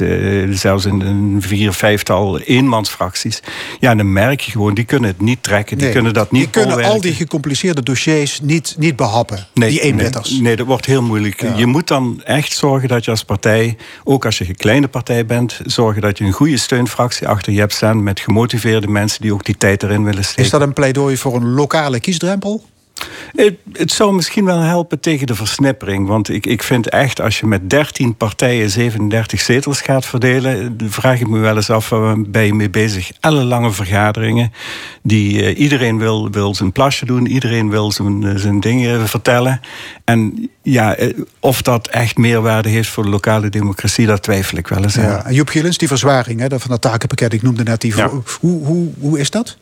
Ja, ik moet zeggen, ik ben acht jaar uh, raadslid. En in die tijd, ik, ik kan nou niet zeggen dat er in die acht jaar een bepaalde verzwaring uh, heeft plaatsgevonden. Want heel veel van die ontwikkelingen die noem, die waren toen eigenlijk al gaande. Maar wat ik wel van collega's hoor, die uh, ja, al soms 20 tot 24 jaar in de raad zitten, die, die zeggen echt. Het raadslidmaatschap is echt veel zwaarder geworden. Ja, veel meer tijd. 15% is gestopt, hè? Die vier jaar geleden zijn begonnen. 15 procent. Ja, ja, dat kan. Ja, goed, weet je, daar kunnen allerlei redenen voor zijn natuurlijk. Ja, u, u zei al, Joep Gielens, uh, ja, maak in elk geval keuzes. Hè. Wil niet alles aanpakken, maar dat gaat niet. Zijn er meer adviezen, Nadine uh, Alofs, die u zou willen meegeven aan de nieuwkomers? Um, ja, je moet vooral weten wat je niet weet. Want je kunt, je kunt niet overal verstand van hebben. Want wat net ook werd gezegd, die dossiers die van de Rijksoverheid naar de gemeente toe komen, je kunt je niet overal in specialiseren. Um, en als er een dossier ligt, stel er ligt een dossier van de bibliotheek, ga naar de bibliotheek toe. En bevraag je daar. De wereld houdt niet op bij het gemeentehuis. En ambtenaren kunnen je veel vertellen. En het college kan je veel vertellen. Maar probeer ook de andere invalshoek te zien. Uh, dus als het over een ondernemer gaat of gaat over een, uh, een nieuw bedrijfsplan, bel dat bedrijf op. Uh, vraag in de buurt. Dus dat zou één tip zijn. En ja, ten tweede, het uh, raadslidmaatschap is geen vastomlijnd kader hoe je dat moet doen. Je kunt als raadslid vooraf heel veel cursussen volgen van hoe de cyclus gaat, uh, hoe, uh, hoe je een amendement moet schrijven, hoe je een begroting leest. Dat soort dingen kun je allemaal inlezen. Maar uiteindelijk moet je het zelf invullen. En ja, je moet niet denken dat de mensen die er twintig jaar zitten de wijsheid in pacht hebben. Je moet gewoon zelf proberen om daar invulling aan te geven. Ja, wat is de grootste valkuil voor nieuwe raadsleden? Bert Kamphuis? Ik denk de grootste valkuil ligt in het uh, te kritisch willen zijn uh, om het kritisch zijn. Dus uh, meer de, de offensieve rol gaan spelen. Ik heb zelf gemerkt als je constructief, positief, kritisch in de wedstrijd zit, dat je dan ook veel meer gedaan krijgt dan dat je continu maar het college en de coalitie gaat aanvallen. Dus laat je niet verleiden tot alleen maar hakken op, op een coalitie en college. En laat je ook niet meetrekken in de verruwing van het debat die plaatsvindt dat merk je landelijk, maar dat merk je ook op lokaal niveau. En ook in de sociale media wordt het nog uh, erg versterkt. Laat je daardoor niet verleiden, blijf bij jezelf. Ja, dat, die, die verleiding is er wel om meteen heel erg kritisch te willen zijn. En meteen te willen scoren als nieuw raadslid. Uh, is... Ja, of, of het verzanden in dossiers. Hè? Dus uh, ja, en inderdaad achter elke uh, bomen vijand zien. Muggenzifterij. ja, muggenzifterij. Waardoor bijvoorbeeld voorbereidende raadsvergaderingen... bij ons heten die commissies... dat die ellenlang duren... Uh, maar zet het zoden aan de dijk. Uh, maken nou die, die detailvragen nou dat een, dat een oordeel uh, of, of een standpunt enorm gaat veranderen. Dat, dat is vaak niet zo. Ja. En dan, overigens dan is het ook voor de buitenwereld veel moeilijker te volgen. Ja, je moet, en je moet natuurlijk ook weten inderdaad hoe, hoe het spel gespeeld wordt. Je moet leren debatteren. Is daar een, ja, is daar, is daar een, een gulden regel voor hoe je dat moet aanpakken? Nee, ik moet zeggen, ja, eh, ik heb ooit wel eens een debattraining uh, via de SP bijvoorbeeld gehad. Uh, maar uiteindelijk denk ik, ja, moet je ook vooral jezelf blijven. En, en ook door ervaring uh, op te doen, te, te leren eigenlijk. Ja, want Inderdaad, werd net ook al gezegd. Ja, na een, je begint als na een x aantal jaren... dan weet je inderdaad een beetje hoe het spel gespeeld wordt. Dat heeft gewoon even tijd nodig. En dan word je ook die geslepen vos die alle trucjes toepast. Ja, Bert? Ja, als, dat niet, als dat niet bij je past, nee. Nee? Dan, nee. Nee. Dat is, dat is van net ook werd gezegd. Ja, je, moet je, niet, uh, je kunt allerlei trucjes aangeleerd krijgen in debattrainingen. En we hebben die bij het CDA ook. En dat is heel nuttig om een keer te doen. En ook om te leren hoe je met drogredenen omgaat en dat soort dingen. Dat is heel leuk om te doen, ook met je fractie. Maar je moet wel bij jezelf blijven. Als iets niet bij je past, moet je het vooral niet, uh, niet doen. Ja. ja. Het is geen toneelspel hè, waar je mee bezig bent. Je bent bezig met serieuze dingen. En ja, als je dat geforceerd gaat proberen om dat in je debatten, in je techniek eh, tot uiting te laten komen, dan, dan lukt dat niet. Dan, uh, nee, ik denk dat de buitenwereld het ook ziet. Op het moment dat je, dat je het speelt, uh, dat, dat, dat helpt niet. Nee. Wat gaan jullie missen? De, ik ga in ieder geval missen de, de contacten met de, met de mensen, met de verenigingen, de achterban. Ook de mensen die, waarmee ik uh, al die jaren heel fijn heb kunnen samenwerken. In fractie, steunfractie, ook het afdelingsbestuur. Maar ook uh, ja, de contacten die ik heb opgedaan in, in andere steden in Zuid-Limburg. Bijvoorbeeld in Maastricht en Heerlen. We hebben daar heel goede contacten met onze collega's. Ja, ja en dat, dat zal wegvallen. Ja, contacten ja.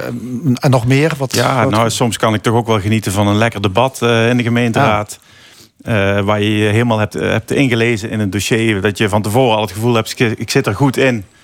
Uh, en dan het debat daarover mag voeren. Ja, dat is hartstikke leuk. Dat, dat blijft leuk. En dat zal misschien ook wel altijd wel een beetje blijven trekken. Ja, dan staat u aan de zijlijn voortaan. Ja. ja. Nadine Adels tot slot, wat uh, ja, gaat u ook, missen? Ja, ook de positieve dingen die je bereikt. Tuurlijk, uh, soms bereid je iets voor en dan steek er heel veel tijd in... en dan krijg je niet het gewenste resultaat. Maar op het moment dat je wel dat gewenste resultaat krijgt... dat zijn wel ja, de mooie momenten, zeg maar. Die zou ik wel missen kijk, uiteindelijk de contacten en zo, die verwateren niet. En uh, ik zal nog altijd bij de fractie bij ons aan blijven sluiten. En ja, ook met verenigingen en zo, ja, dat, dat hou je toch wel.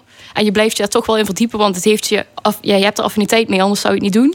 Hm. Maar het echte inhoudelijke inderdaad debat voeren, en ja, dat zou ik wel missen. Hartelijk dank afzwaaiende raadsleden Nadine Alofs van het CDA in Leudal, Joep Gielens van Pro Venray en Bert Kamphuis van D66 in Sittard Geleen. Volgende week in de stemming deel 2 van deze serie. Hier zijn Curtis Mayfield en The Impressions. People get ready.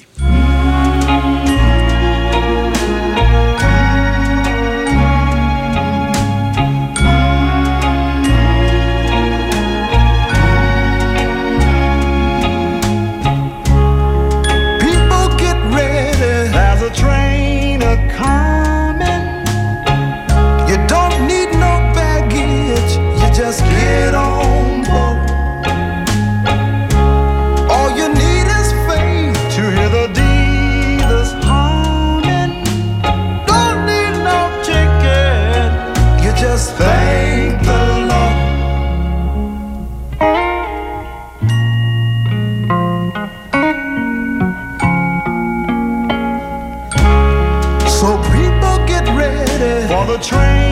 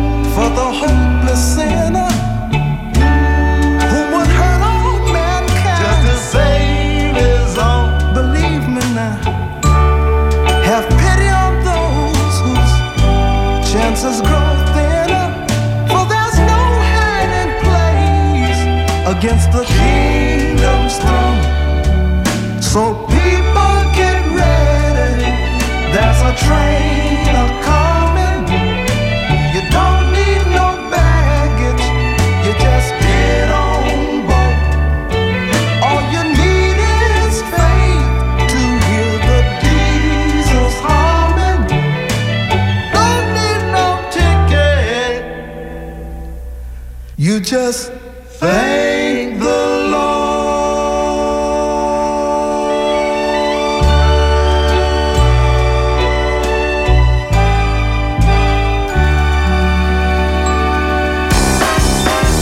De column. Vandaag met Rezi Kouwmans. Eh, doe beguf zich op glad ijs. Dat vond ik vroeger altijd een beetje een raar uitdrukking. Want ik dacht, is het toch altijd glad? Maar afgelopen week heb ik veel geleerd. Tijdens de Olympische Winterspelen in China werden de Nederlandse coach, coach van het schaatsen beticht van corruptie. Hij zou de ijsmeester in China hebben beïnvloed dat er het ijs heel hel moest maken. Dat was namelijk beter voor de Hollanders. Helijs is glijijs en zaagijs is werkijs. Wat wel beter is voor die klein, lichtere Chinezen. Nou, hebben we toch weer gaat geleerd op deze zondagmorgen. Maar wat is dat toch een ozeloog, hoor? Met allemaal die mondkapjes, elke atleet in zijn eigen bubbel, bijna geen publiek. En het eten werd zelfs geserveerd door een robot. Tja, dan is het hier gelukkig anders. Want hier is het C-woord niet meer aanwezig. Nog een week en dan zijn we overal vanaf. Althans, als ze de lu mocht geluiven. Want er is er geen meer die zich nog ook maar aan één regel wilt haaien. Nu ben ik echt benieuwd wat die Kuipers zich verdient zich laten invallen. Want alles wat tot nu toe per ongeluk is uitgelijk, dat slijt namelijk wie een tang op een verken. Tenminste zal best een hele kundige dokter zijn, maar van vasteloving heeft er geen kees gegeten. Wie ziet hij dat voor zich? Een G. Loester bij mij in de buurt woont ook een G. Daar ben ik ook geen fan van. Maar dat is even gedans. Maar denken ze er nu in Den Haag werkelijk dat iedereen zich zes dagen achtereen lukt testen? En wij hem dat wo controleren? Blazen ze dan de Moerdijkbrug op? Een moer om gans Brabant en Limburg? Nee, de geest is uit de fles, Rezi, zei onze burgemeester van de wijk tegen mij, naar aanleiding van een zogenaamd protest van de horeca. Dat ram uit de hand gelopen waar. Hongerde lui op de roerkade en het was net vastelovend. En wie de politie kwamen, werden die zo geïntimideerd dat er besloten werden niet in te griepen. Nou, en dan zouden wij als kasteleins dat dan wel voor elkaar krijgen. Hé, danke. Wij kunnen alleen volgens de regels op, als er geen regels meer zijn. Echt waar, de lui manisch. Ze zijn niet meer te stoppen. Maar goed nieuws. Want wat alle actievoerders in het Sterrenbos niet klaar kregen, is één uur in de boom wel geluk. En de ultieme oplossing kunt misschien van deze uur uitremun. Als ik zing, Ik gewoon op stap wie een schap als Einzelgänger. En gans alleen op Münsterplein speel ik droofgänger. Als Kuipers hoort wat er gebeurt, kijkt er het strenger. Dan lacht de molen die mich zuten als Einzelgänger. Einzelgänger, Einzelgänger. Of beweeg ik mich dan op glad ijs? De column van Einzelganger Rezi Koumans. Zoals elke week is het laatste half uur van de stemming weer gereserveerd voor het opiniepanel. En we spreken zo meteen de versoepelingen van de coronamaatregelen en de gevolgen voor de vastelovend. Manipulatie van verslagen door het waterschap. Vlaai als erkend streekproduct. En een regeringscommissaris voor seksueel overschrijdend gedrag. Vandaag bij ons aan tafel marktvrouw en CDA-raadslid Gabrielle Heijnen ondernemer Cor Bosman en communicatiedeskundige Loek Hustings. Welkom, alle drie. Uh, ja, de coronaregels worden langzaamaan allemaal afgeschaft. Hè. Vanaf 23 februari geldt in theaters, uh, horeca, stadions geen anderhalve meter meer, geen mondkapjes. Wordt dat wennen, geen anderhalve meter? Gabrielle nee, Heijnen. Uh, niet, nee, want uh, als ik uh, de afgelopen tijd omheen heb gekeken... ken ik weinig mensen die die anderhalve meter nog... dat Rezi net ook al. Er is niemand meer die ze nog nee, ergens aan ja, houdt. Is dus, dat... Ja, ik, ik zie het echt niet. En natuurlijk, ik let er zelf nog wel op. Hè, als ik soms met, met ouderen ben of mensen die hè, ook aangeven... ook bij mij in de, in de zaak van... goh, hè, ik, ik, ik ben, het is precair. um, maar ik ken verder eigenlijk niemand meer die zich er echt aan houdt. Ja, het, het, ja, Ja. het is een eerlijk antwoord. Ja. Cor Bosman, je hebt een buurt eh, super. Anderhalve meter nog steeds? Mondkapje? ja, het is, het, is, ja, het is bijna niet te handhaven. Eh, wij proberen als ondernemer proberen ons zo goed mogelijk aan de regels te houden. Want eh, van de andere kant, daar worden ook forse, eh, forse boetes op uitgedeeld. Alleen wat je ziet na rato, of, na, na, na rato van tijd... dat de maatregelen in Nederland langer duren... wordt de agressie bij mensen wordt ook groter. Als je mensen erop aanspraakt van... god meneer of mevrouw, we zouden je mondkapje willen dragen. Ik heb het zelf meegemaakt dat iemand mij twee blikjes kolen naar de kop gooide. Die moet ik dan wel weer achterna rennen om even een goed gesprekje te voeren met elkaar. Maar de agressie die wordt, die wordt groter. En nu van de andere kant eh, eh, de geruchten die nu de ronde doen eh, voor wat betreft carnaval. Ja, daar kom, 1G. daar kom ik straks op. Oké. Maar de, de theorie wordt aangepast aan de praktijk. Lucas, Ja, nou, dat, de- dat, eh, ik hou me daar toch meer aan dan je denkt. Punt 1. ik heb al eens vaker gezegd, ik woon net aan de andere kant van de, van de grens in België. Nou zijn België, Belgen sowieso veel gehoorzamer. Daar houdt men zich toch veel meer aan de regels dan hier. Bijvoorbeeld met het tonen van je coronapas. Hè.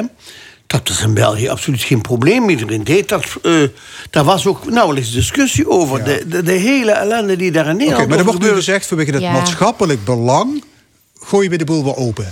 T- terecht? Vind je, het- vind ja, het nou, ik zal me toch, ik, zelf zal ik me toch een beetje ehm, aan die afstandsregels houden. Ehm, ik eh, ben bijna 70, dus in een, in een kwetsbare leeftijd.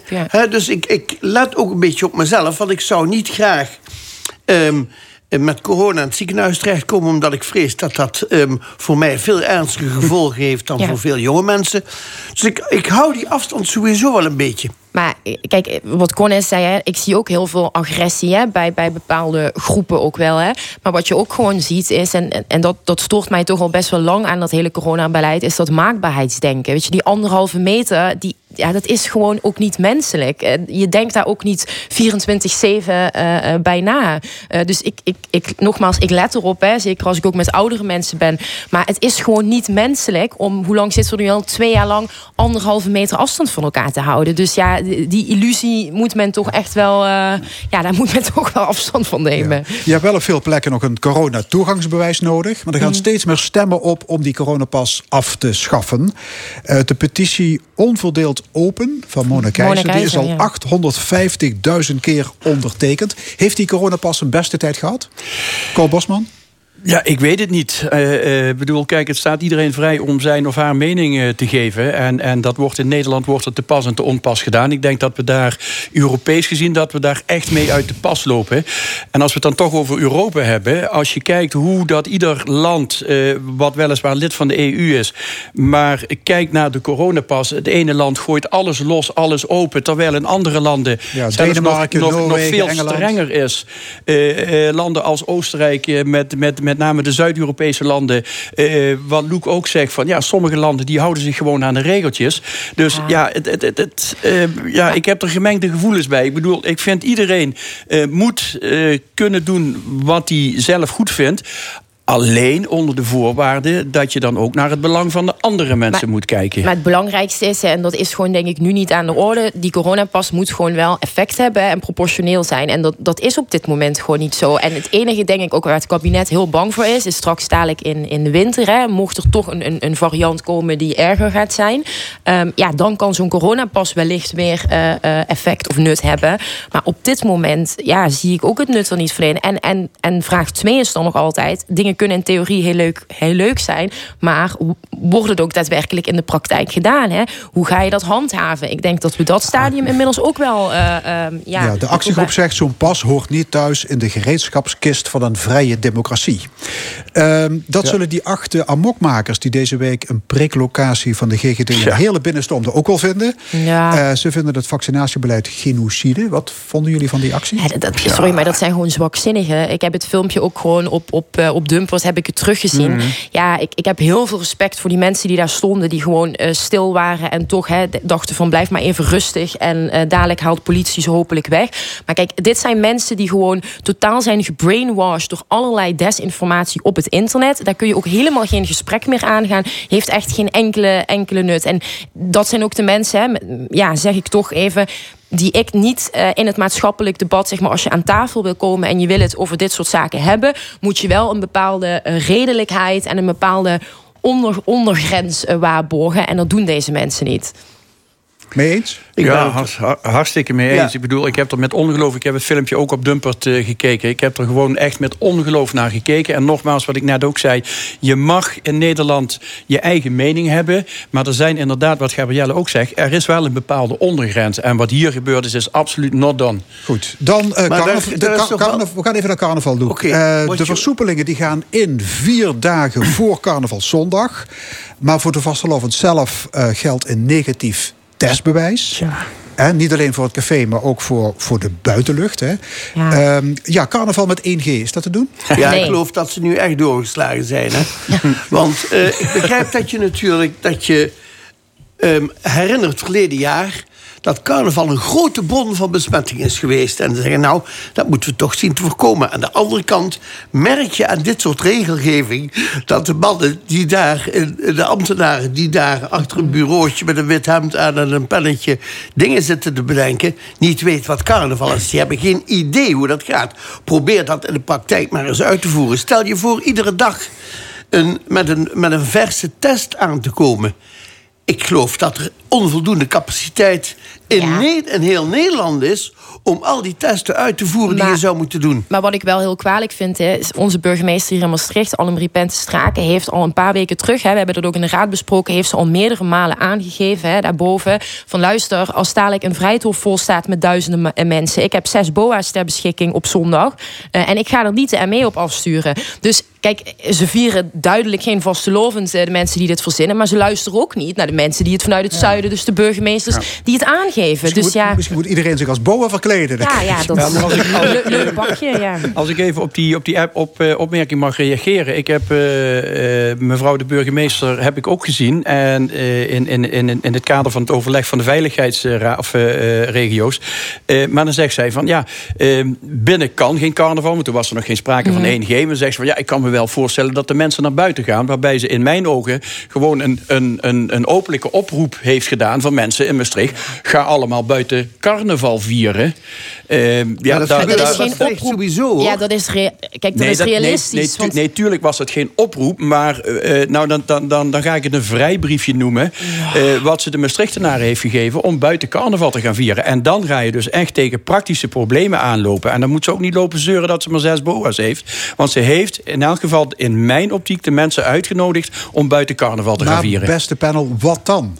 Alles opengooien? Zonder restricties? Ja, doe, het- wat ja, wat doe moet het, je doen? Doe, ja, doe het in, de, in, in navolging van Noorwegen, Denemarken, Engeland. Die hebben geen En, carnaval. en, dan, en dan gaan we, nou, dan gaan we na carnaval, of dan gaan we na carnaval zien eh, wat daar, eh, eh, hoe, ja, hoe dat de vlag erbij hangt. En we hebben geen carnaval, maar in, het, in Spanje hebben ze de Heilige Week. Er wordt een hele week, wordt daar, het is dan wel geen carnaval, maar worden alle, alle goden en bijgoden en afgoden die worden vereerd. Dat lijkt verrekt te veel op carnaval, Carnaval, met ja. honderden duizenden mensen op de straat. Dus we gaan het in Spanje ook wel zien hoe dat de vlag daar erbij hangt. Maar je moet op een gegeven moment als maakbaarheidsdenken... dat je alles in controle kan houden. Zeker nu met zoiets als een volksfeest... wat gewoon op straat inderdaad eh, hoogstens wordt gevierd. Vo- voornamelijk. Zeker in Maastricht, hè? Zeker. Straatcarnaval. Dat, dat moet je dan op een gegeven moment toch echt gewoon loslaten. Je kan dat niet meer kneden en vormen. Ja. het, het, het houdt gewoon ergens op. Ja. Hoe, hoe zou je het trouwens kunnen aanpakken als je, als je het al zou willen? 1G voor mensen die Nou op ja. straat carnaval vieren. Je zou, maar dat is dan, dat is ook weer organisatorisch gaat het gewoon niet lukken. Hè? Dan zou je al een soort van kring om de stad moeten, moeten maken, waarbij je dan een polsbandje krijgt, weet je, en dan Ja. mag je een gebied in.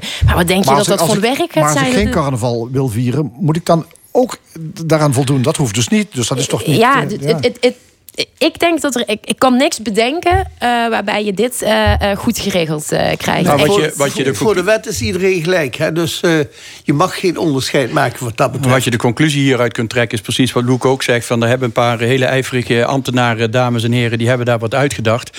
Die hebben alleen niet over de uitvoerbaarheid Ja. eh, goed nagedacht. Misschien dat ze een keer een weekendje naar Maastricht moeten komen. Daar zitten wij wel mee opgescheept dan in absoluut, het zuiden. absoluut. Maar, waarbij ik sowieso ehm, nog vind dat ehm wij eigenlijk veel Europeeser zou, zouden moeten denken wat betreft het vaststellen van de regels. Ja, zeker, een met die regionale uitzondering dat als er natuurlijk in dit gedeelte van Europa een uitbraak is, dat daar de consequenties niet voor in Spanje of in Noorwegen hoeven gelden. Dus je kan me voorstellen dat je een eensluidend beleid maakt. Ehm, bij code geel doen we dit, bij code rood doen we dat, bij code groen eh, doen we zo. Voor heel Europa hetzelfde. Maar dat die codes per streek kunnen verschillen. Ja. Nou, misschien moet e- eerst toch inderdaad maar eens uitnodigen die ambtenaren eh, om Ja. hier eh, in Maastricht te komen kijken of in Limburg hoe dat gaat. Ja. Eh, een opmerkelijke actie bij het waterschap Limburg. Verslagen die werden opgesteld van de crisisvergaderingen tijdens de watersnood eh, deze zomer, die blijken te zijn gemanipuleerd, concludeert Dagblad de Limburger. Hoe ernstig? Ja, eh, wat, ernstig. Wel ernstig, ja. Ja, absoluut ernstig. Ik heb, Schande. eh, ik heb in de auto eh, hier naartoe heb ik naar, eh, ook naar Mark Jossen geluisterd. Eh, en het sluit eigenlijk een beetje aan zijn, zijn reactie op het, op het bestuurlijke rapport eh, over de integriteitskwesties in Limburg. Als je in Limburg waterschap roept, dan roep je ook CDA. Dan valt, als je CDA roept, dan valt het halve waterschap in elkaar. En nou niet de schuld bij het CDA neer te leggen, maar het is wel een vriendenclub. Is het, wat grotendeels uit CDA's bestaat. En wat Mark Josten ook zegt, wat uit dat bestuurlijke rapport naar voren is gekomen, dat er eigenlijk eh, afgezwakt wordt en gekeken naar anderen in plaats van eerst naar zichzelf te kijken. En als ik dan kijk hoe dat het waterschap opgebouwd is uit het DB en het, en het AB, dus het algemeen bestuur en het dagelijks bestuur, zitten heel veel eh CDA'ers in.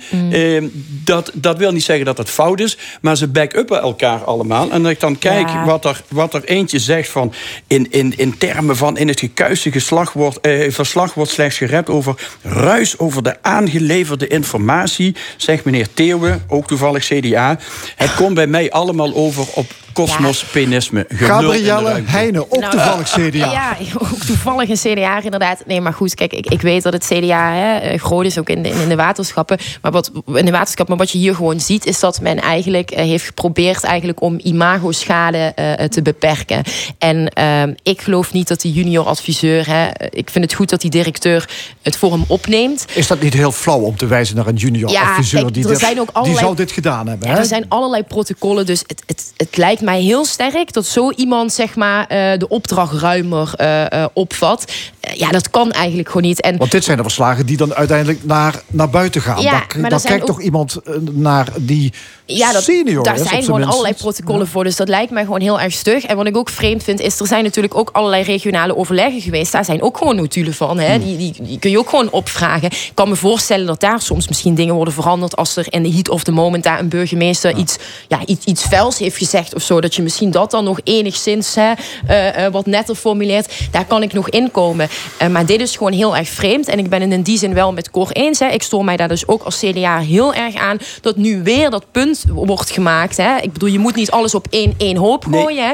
Maar dus wel weer, wederom bestuurscultuur, transparantie. Ja, veel mensen zullen nu toch zeggen: ja, zie je wel. Dus heel erg dom eigenlijk, omdat we wisten allemaal eh, dat we niet goed waren voorbereid op het hoogwater. Ja. Dat, dat wisten we. Loek, Dus jij, ja, jij bent communicatieadviseur. Ja. Jij, jij, jij, jij met dit soort nou dingen wel vaker dat ik hier één woord van geloof van dit verhaal? Oké. Je bent, ik, ben, ik, ben, ik ben niet hartstikke gek geworden.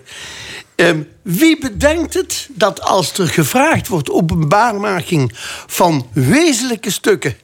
dat je dat aan een, aan een stagiaire overlaat, zeg jij dat even doen? Nee, natuurlijk niet. Dat wordt op het allerhoogste niveau wordt dat nauwkeurig bekeken. En het is niet een stagiaire die die tekst verandert. Nee, het is op het hoogste level dat er het wordt gebeurt. keihard gelogen. Maar natuurlijk. Dit is pure manipulatie. Oh, kun, kun jij je voorstellen, eh, kun jij je voorstellen Loek, dat jij eh, als communicatieadviseur, je, jij bent daarbij geweest en je kijkt dus kritisch naar wat er allemaal opgeschreven is. Ehm, zou jij adviseren om dingen aan te passen? Nee, ik zou dat nooit doen. Het, laten we zeggen, ehm, eh, ook als je in het communicatievak zit, geldt... eerlijkheid gaat voor alles. En als ik ehm, dingen zou moeten gaan reproduceren... waarvan ik weet dat ze onjuist zijn...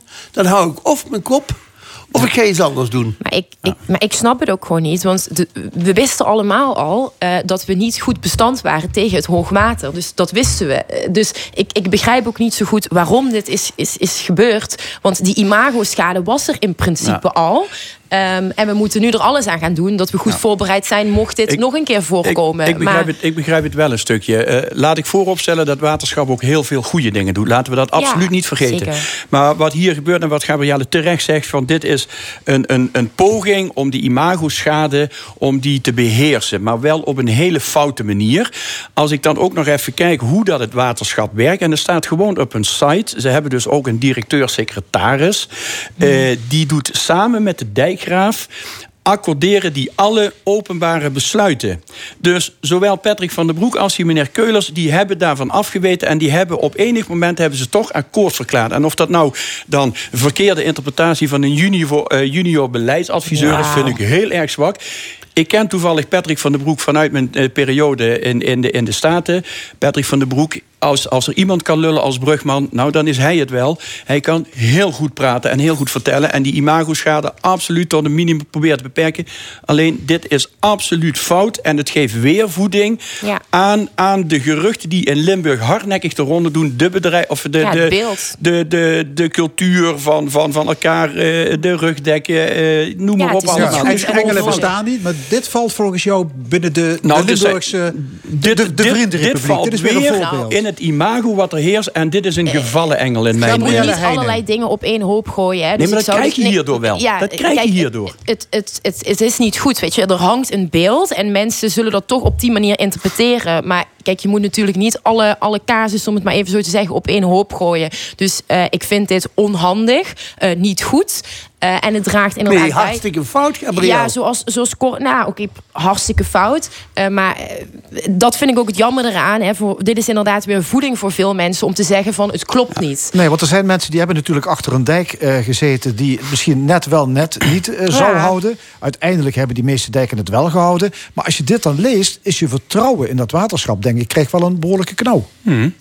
Ja, dat, ja, het is gewoon heel kwalijk. Het is echt Ja. heel kwalijk. Nou, en dat- en, nogmaals, eh, hè, er is ook heel veel goeds gedaan. Hè. Ook, dat staat er ook in de organisatie. Heeft zeker ook snel gehandeld en hebben hard gewerkt. Eh, maar dit, dit, dit wekt natuurlijk helemaal geen vertrouwen. En dat vertrouwen, wat, eh, wat net werd aangehaald... eh, als je het rapport kijkt, ik heb het sumier gelezen... Maar, maar even samenvatting, dat medewerkers zeggen... die benaderd worden door gemeentes... die zeggen van wij moeten op basis van de gegevens... die wij op dit moment ter beschikking hebben... correct of incorrect, moeten wij advies geven waar vervolgens weer bestuurders in gemeentes eh, maatregelen op gaan Ja. nemen. Door mensen te evacueren, mensen dit of juist niet te, eh, te evacueren, et cetera. Dus die mensen, die medewerkers, hebben daar ook een slecht gevoel bij. Maar het allerergste vind ik dus dat dat, dat, dat negatieve imago wat Ja. er heerst, dat dat gewoon in stand blijft. En ze staan zelf aan de basis daarvoor. En ze leefden nog lang en gelukkig met waarbij natuurlijk wel gezegd moet worden dat dit was een ramp van ongekende grootte, waar men geen ervaring had, waar men overvallen was, waar men niet wist ehm, hoe precies te handelen. Dus ehm, laten we zeggen dat er in zo'n geval fouten worden gemaakt, dat vind ik volkomen begrijpelijk. Maar je moet niet achteraf proberen om een gemaakte fout recht te lullen. Want fout is fout. Ik geef het dan toe. Zeg ja, sorry, we hebben het niet gewoest. Ehm, ik kan me voorstellen dat je met je handen in het haar zit. Als je ineens het water letterlijk en figuurlijk tot aan de lippen staat. Een groep bakkers vindt dat de Limburgse vla beschermd moet worden. En Ja. daarom wordt het Zeg jij predicaat nou vla? Europees... Ja, vla, ik zeg vla. ja. In Ja. Ik kan net zeggen, vla. In Wat heel Zuid-Limburg zeggen ze vla, behalve in Maastricht. Oh. En boven Sittard zeggen ze Ja. vlaai. Ik zeg fly. Ik zeg ook fly. Ik Ja. zeg vla. Maar dat, Vlaai. komt, maar dat komt omdat in dat gedeelte waar ze vla zeggen... dat zijn gemuteerde Limburgers. zijn, zijn, zijn gemuteerde Ouwe. Nederlanders. Ouwe hoerkerel. Goed, hoe dan ook, het predicaat Europees streekproduct wordt aangevraagd. Dat is een kwaliteitskeurmerk. Eh, hebben jullie de indruk dat er nu vlaaien worden verkocht... die, die ja, dat woord niet, eh, niet waard zijn?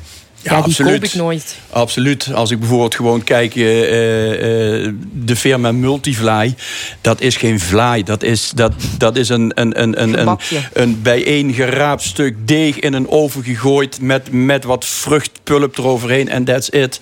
En dat associëren Nederlanders, Hollanders met vlaai. Wil je vlaai hebben, kom je naar Limburg. Vlaai is een Limburg streekproduct. Dus heel graag dat het eh, net zo als, als, als de Parmezaanse ham of, of eh gorgonzola of noem maar op, dat het op die lijst komt te staan. Moeten Wie, heeft die zwarte, wie heeft die zwarte proemenvlaai eh, Ja, meegenomen? Ishan dat je door. Ja, ja, maar Cor heeft die voor Loeg meegenomen. De verleden keer zeg ik tegen Cor, hè, toen wat er voorbij ging, een stukje Vlaanderen, zegt hij, ja, ik zeg, weet je, eh, wat je bij ons aan de andere kant van de grens niet kunt krijgen, is zwarte proemenvlaai. Hè. Daar ben ik dol op. Hè. Waarop hij zegt, de volgende week, of de volgende keer, breng ik voor jou een zwarte Werd net mee. al bijna nou, uitgedeeld. het Kapels winkeltje laat zich van zijn beste kant zien. Overigens, wat ik niet wist en wat ik verdomd interessant vond... toen ik die regeltjes eens allemaal nalas... is dat een Limburgse vlaai moet in één keer bereid worden. Dus het mag niet zo zijn dat als die uit de oven komt... zijn, ja. dat er dan nog slagroom aan toegevoegd Ja, ja. wordt. Nee, bijvoorbeeld. Of dat er aardbeien aan toegevoegd Nee. worden. Wat Dan is het in de vlaai. oven gaat, dat moet het zijn. Ja. Dat is Limburgse vlaai. En er zijn Dus meer eisen. aardbeienvlaai bestaat niet. Wat Nee, nee, bestaat niet. Nee, Nee, nee, nee, nee. Bovendien moet die gebakken worden op Limburgs grondgebied. Ja. Belgisch Limburg mag ook. Eh, er moet geest, eh, gist in het deeg zitten. En, ehm, Dus van Bladeren deeg inderdaad. geldt niet, hè? Nee, nee, dat geldt helemaal niet. Alsjeblieft Wat, niet wat vinden jullie? Ik vind het heel goed. De zeven vinkjes van de Limburgse vlaai. Ja, exact. de zeven blinkjes van de Limburgse vlaai moeten gewaarborgd blijven en erkend worden. Ja, dat Ja, vind wat ik heel daarbij goed. komt, als je vindt dat je, dat je bepaalde kazen of bepaalde wijnen streekgebonden mag maken en, en, en hun eigen eigenschappen voldoend, dan vind ik mag je dat met Limburgse vlaai ook doen, omdat die zich namelijk daarin onderscheidt van andere gebakken. Ja, kunnen... maar, maar gebakken op, op Belgisch of Limburgs Ja, want dat- Nederlands ja, dat grondgebied, is- dat, gaat wel heel Ja, ver. Hè? Dat, Ja, nee, cultuur nee, maar en dat, dat, dat, is, dat nou. is een van de drie criteria. Ja. Eh, die Europese bescherming, dat zijn drie soorten.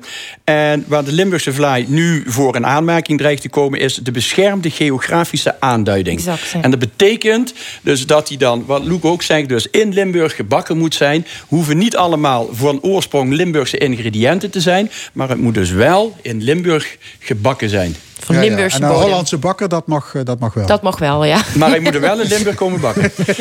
Ja, goed. Hey, ik wil de sfeer eh, eh, niet bederven, maar, maar hoe, hoe, hoe Limburgs is de vlaai eigenlijk? Die is toch door de Spanjaarden hier naartoe gebracht tijdens de 80-jarige oorlog? Ja, en inmiddels is het niet? helemaal voor Limburgs. Dus eh, het is gewoon een hartstikke Limburgse vlaai. Cultureel Maar, maar het is al honderden jaren zo dat men in deze streek ehm, dit eet. En eh, die Limburgse vlaai wordt niet alleen maar als een, ehm, als een dessertje gezien of zo. Maar voor, voor veel mensen heeft dat ook een maaltijdvervangende werking. Voor mij is Ja. ik, ik, ik- Ontbijt, ja. ja, ik neem iedere dag, eh, of, heel vaak in ieder geval, voor het ontbijt een stuk vla. Eet jij ieder, ben je voor het ontbijt? Ja, vind ik verrukkelijk. Er zitten alle essentiële voedingsstoffen in. Ja, Er zit fruit in, er zit, er zit deeg in, et cetera. Dus heel gezond. Onze gezondheidsanalist Maria Jansen denkt daar heel anders over. Maar goed, wordt die appellation contrôlée vlaai straks ook duurder? Nee, dat denk ik Nee, niet. dat denk ik ook niet. Nee, tuurlijk niet. Nee, tuurlijk niet. Ik denk alleen dat het eh, gewoon een echte erkenning is Ja. voor iets wat typisch Limburgs is. Wat wij als typisch Limburgs, en of het nou door de Spanjaarden hier naartoe gebracht is, 300 jaar geleden, vind ik allemaal prima. Of 500 jaar geleden. Maar typisch Limburgs product, ik denk dat dat wel die bescherming verdient. Maar net zo goed als eh, de cognac alleen maar uit de cognac mag komen. Andere drank wat vergelijkbaar is, moet brandy heten. eh, Goudse kaars. Eh, dat, dat heeft ook de aanduiding eh, voor Gouda. Nou, dat vind, ik vind dat een, een, een hele mooie, mooie geografische onderscheidende benadering. Ja, maar die, maar die troep die nu in de winkel ligt... en die dan het predicaat fly niet mag dragen... die, die blijft er natuurlijk toch liggen. Want Ja, maar die zal dan Die niet meer het etiket krijgen. Limburgs krijgen. En Ja. ze gaan dan Ja, dus... daar komt een speciale sticker op te staan. Ja. Krijg je Europees streekproduct. Ja, nou, top. Ja, verkoop je nog veel vlaai in de winkel? eh? Ja, wij verkopen redelijk veel vlaai. Alleen Tot en met ja, zwarte proemen. met, eh, Ja. ja. tot en met zwarte proemen. Maar tot eh, eh, de corona, die heeft, daar wel, eh, eh, die heeft daar wel negatieve invloed op gehad. Op het moment dat de mensen minder bij elkaar mochten. eh, eh, begrafenissen, et cetera. eh, feesten, die mochten minder doorgaan. Dus dat heeft daar wel zijn invloed op gehad. Maar het begint nu gelukkig weer aan te trekken. Ja. Ja. Ik zit te denken aan een soort reclameslogan nu. Iets van vlaai kun je ook meer ontbijten of zoiets. Dan, Nou, goed voorbeeld doet goed volgen. En bakken jullie zelf vlaai? Nee. Ja, je begrijpt, ik zit de tijd gewoon wat vol te lullen. We hebben nog- we hebben nog- we hebben nog één- we hebben nog één minuut. Laten we daar niet mee beginnen. Want dan vrees ik dat mijn vlaai niet voor enig predicaat in aanmerking moet komen. Als alleen maar mislukking. ja. Nou, maar Nee, wat, ik ben Loek alles- zegt, maar wat, eh, wat Loek net zei, onze voorgangers waar wij eh, het pand van over hebben genomen, dat was een echte bakkersfamilie, eh, een bakkersechtpaar. En die man en die vrouw die aten per dag samen minimaal één fly. Ja, wat is dit nou weer? Dus dat als afsluiter. Dus Ja. mensen, eet gezond, Eet eet, een, gezond, eet eet een fly, Limburgse ja. fly. Ja, er is hier nog vlaai in overvloed. We gaan in aan de studio, dus we gaan de zwarte proemenvlaai. Dat is zwarte Ja. proemen. Ja, oké. Goed, discussiepanel. Hartelijk dank. Tot over drie, nee, ik denk vier weken voor jullie. Ja. Gabrielle Heijnen, Cor Bosman en Doek Hustings. Dank jullie wel. En dit was de stemming. Vandaag gemaakt door Edwin Maas, Angel Zwarts, Fons Geraerts en Frank Ruber. En graag tot volgende week dan weer, dus om 11 uur op deze zender. Dit programma wordt herhaald maandagavond om 8 uur. En is ook te beluisteren via onze zender L1.nl en ook via podcast. Zometeen op deze zender L1 Sport Co. Met onder meer VVV Rode JC. Nog een hele mooie zondag.